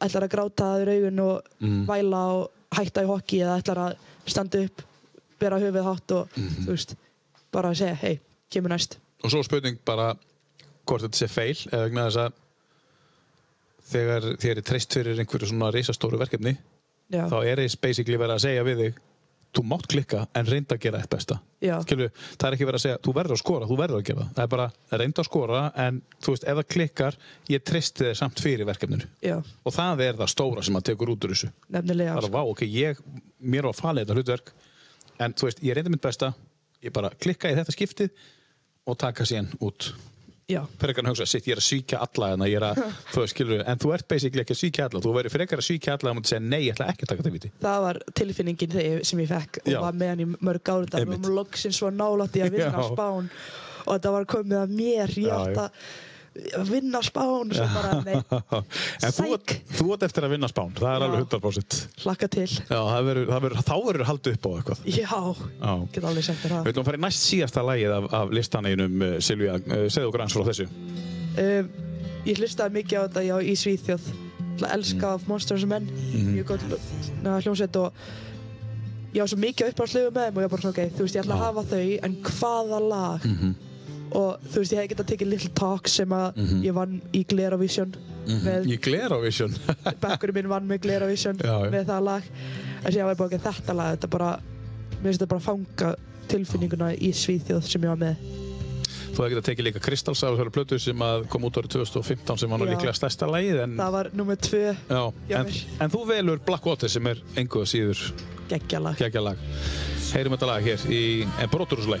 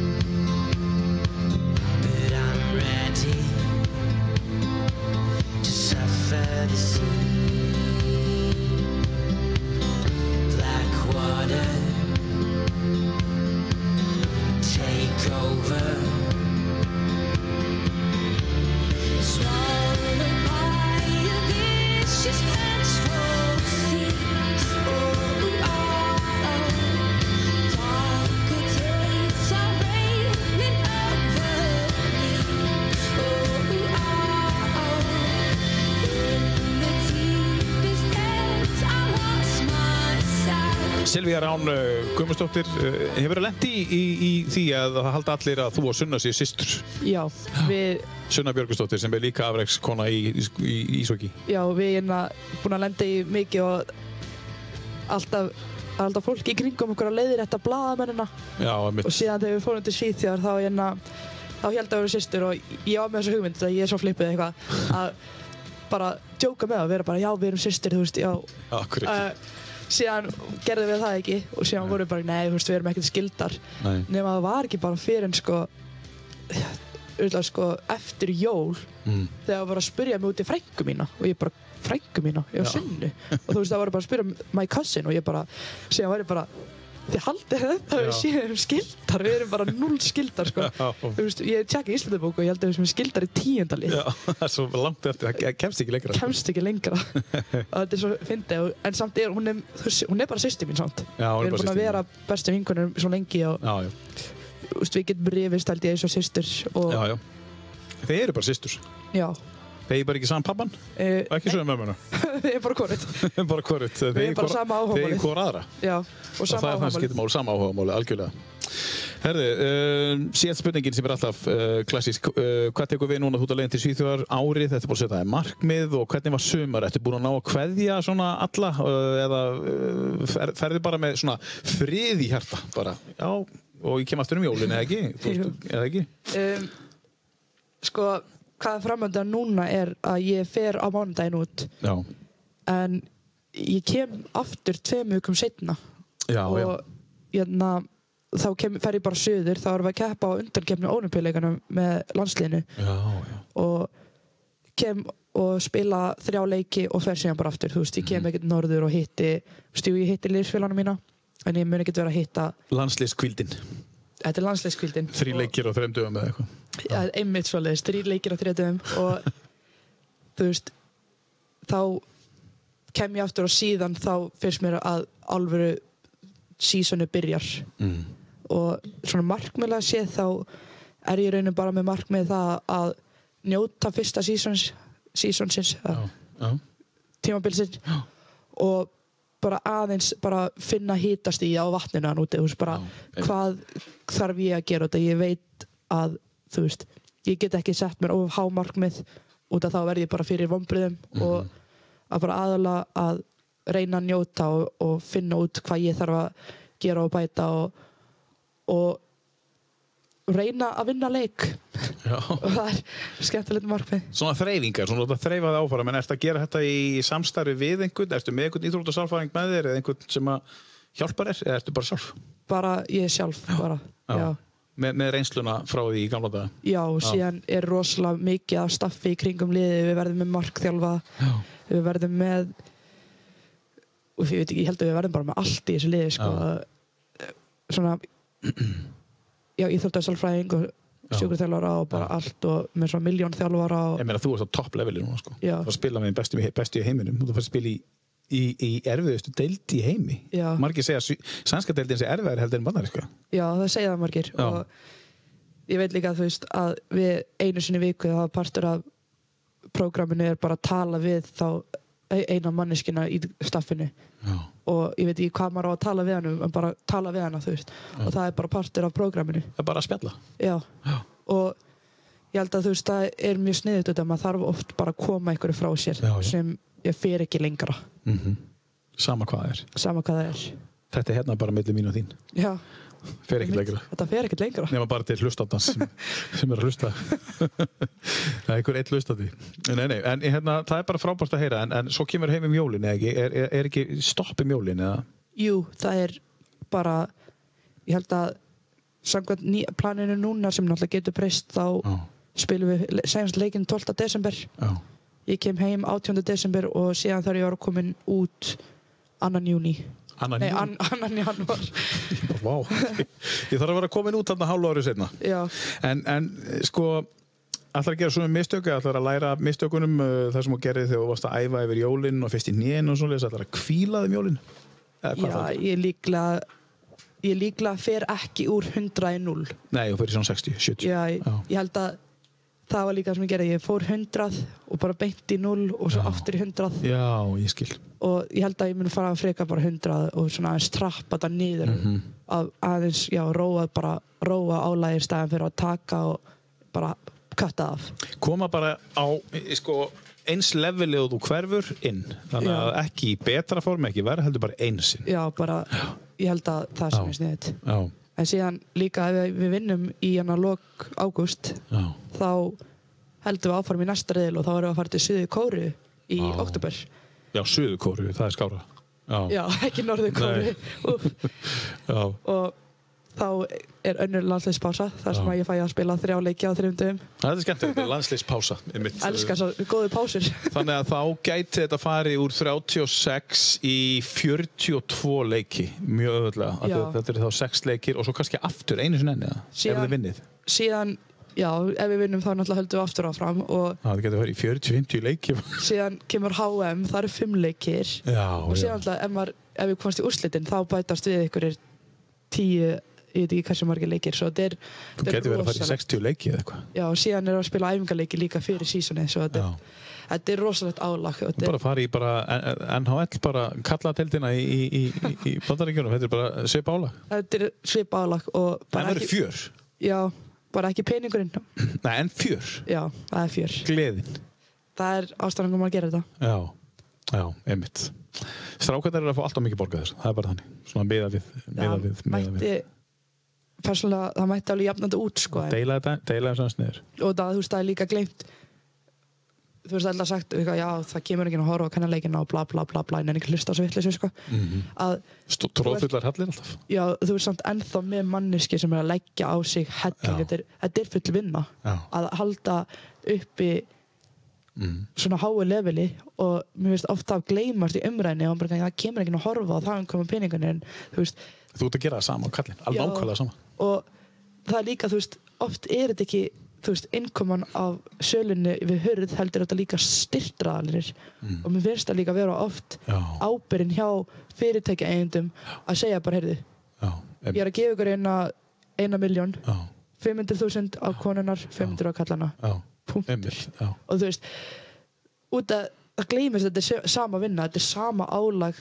að bara kallanir fá meira praise Mhm. Og það gleymist bara í umræðinni finnst mér. Og það er alltaf talað um þessa miðasölu sem er Mhm. óþálandi umræðar Þú heyrið nú hérna að viðtalið við hann Geir Borgar Geirsson sem að fór með þessa hugsun til Noregs. Og, og, og, og bara saði við hérna eigandur liðsins að, að, að hérna fyrir hver, hverja konu sem kemur inn þá koma sko afar og ömmur og, og pappar og mömmur. Og þú veist þá koma, kemur fullt fullt af peningum inn sko fyrir hvern einstakling og það verður hvort þið spila, það eru 16 á spila skiptir ekki máli, þetta heldur áfram. Af hverju eru við að gera svona mikið upp á milli? Og hann sagði bara kostunarleitni er bara deilist, deilist í nefnilega. Það þarf svona menn eins og, eins og Geirborgar í, í, í, í, í, í að vinna svona, vinna svona mál. Vonandi er einhver einhver þarna úti sem að er að gera þetta Já. vegna þess að það þarf að fara að breyta þessu. Þetta, þetta þarf að breytast og ég sé núna á úrslutakeppninni en að núna í mars eða hvernig hann var þá var borgað, þú veist það var hvað, 150 sætið eitthvað til COVID og það var ákveð að rykka bara inn á kannaleikina Mm. og viti menn, það seldist upp. Já, það voru eitthvað 150 manns tilbúið að borga sig inn á leikin og síðan þegar við erum að háum hérna. Mm. við fyllum stúkuna af fólki sem er tilbúið að koma að horfa og þú borgar því hvað kostaði leikin en það kostaði pening á leikin og fólk sem kom aftur og aftur og aftur. Mhm. og kannski fólk sem mætti bara á fyrsta leikin og síðan var bara, wow, þetta er geggja, ég ætla að mæta alla leikina. Mhm. og veist við bara þess að þóli ekki þessu umræðu og þetta lengi vel í essa þá var aldrei rukkað inn á kannaleikinu og það myndi ekki koma og það er bara búið að ákveða það er já, bara búið að ákveða Já. og þú veist, í fyrsta sinn þá er í loksins bara verið að Mm. bara verið að prove them wrong en það er verið svona að taka skref í þessu en getur líka, þú getur líka mögulega tekið e, það inn í þetta að, að, að blott svett en týr þá eru það að leggja meira á okkur. Þeir eru ekki fáið mikið greitt, þeir eru að gera það sama en þeir þurfa að gera svo miklu, miklu meira fórna meiru heldur en kalla þér já, miklu meiri fórnir. Líka bara með það þú veist, líkamlega séð og bara þú veist, karlminn eru sterkari byggðir og það er léttara fyrir þá að vera íþróttamenn, þú veist, konur eru með þú veist, að, það er svo margt sem kemur inn í hjá okkur, þú veist, tíðarhingurinn það, það sko, bara, þú veist, það kemur inn í bakseignir og bara þetta er svo mikið sem að sem Meiri- við þurfum að fórna, já Já, meiri hannig En uh, eitthvað að lókum? Nei, bara, takk fyrir mig Hvaða, hvaða, hérna, við ætlum að enda hérna á uh, Þú átt þrjá bóli, þú ert ekki í bólnum núna með, hérna, með þessari hérna, söngkonu hérna Já, ég mitt bólinn með myndinni framan á Nú er það? Já. ok Þú ert ekki búin að sjá hana live, en þú mögulega nærðinni ef hún Já. breytir plönunum sínum og kemur til Gautaborgar Þú getur líka farið eitthvað annað Er hún ekki komið til Svíþjóðar? Og- Nei, Hún getur verið að fara til Noregs eða já, Finnlands eða það eitthvað er mitt plani, sko. Já, En já, ég hlusta alltaf á þetta lag. Ég, Þegar það kom út, þá vorum við á HM í Rúmeníu. Mm. Ég hlusta á þetta lag Listen Before I Go og Goodbye sem er hennar þrjú rólegustu lög, já, fyrir hvern einasta leik. Já Þannig er, er þú að gýra það upp. Og ég hlusta ennþá á þetta lag fyrir hvert einasta leik. Þetta er bara, þetta, þetta peppa mann svo mikið upp sko. Já, já Já, þú notar þetta til þess að peppa upp. Já, Já, það er einstakt, það er magna uh, Silvía Rán uh, Björgunsdóttir ekki sýstirinn á sunnu. Ekki sýsturinn á sinni gangi ég vel í Svíþjóð í, í, í, í nýja verkefninu og bara kottu heim uh, um jólinn og vildu þig. Já, og, og njóttu þess að vera og verður nú svolítið döglega að setja inn eitthvað og hvernig gengur úti og svona maður getur fylgst með. Getur maður fylgst með þér á, þú veist hvernig gengur? Á, ertu með eitthvað Instagram já, ég er með Instagram Silvía Björgvins og kannski ef fólk er búin að heyra þá þá er ég ekki droslega mikið á Instagram og Nei, posta mjög sjaldan en ég, ef eitthvað kemur inn núna mun ég vera betri. Já, það er frábært. Ég segi þetta alltaf. Eftir þetta. Það eru takk aftur fyrir að koma. Já, takk fyrir mig. Og kæri hlustandi takk fyrir að hlusta á tíu bestu aftur. Takk kærlega fyrir að hlusta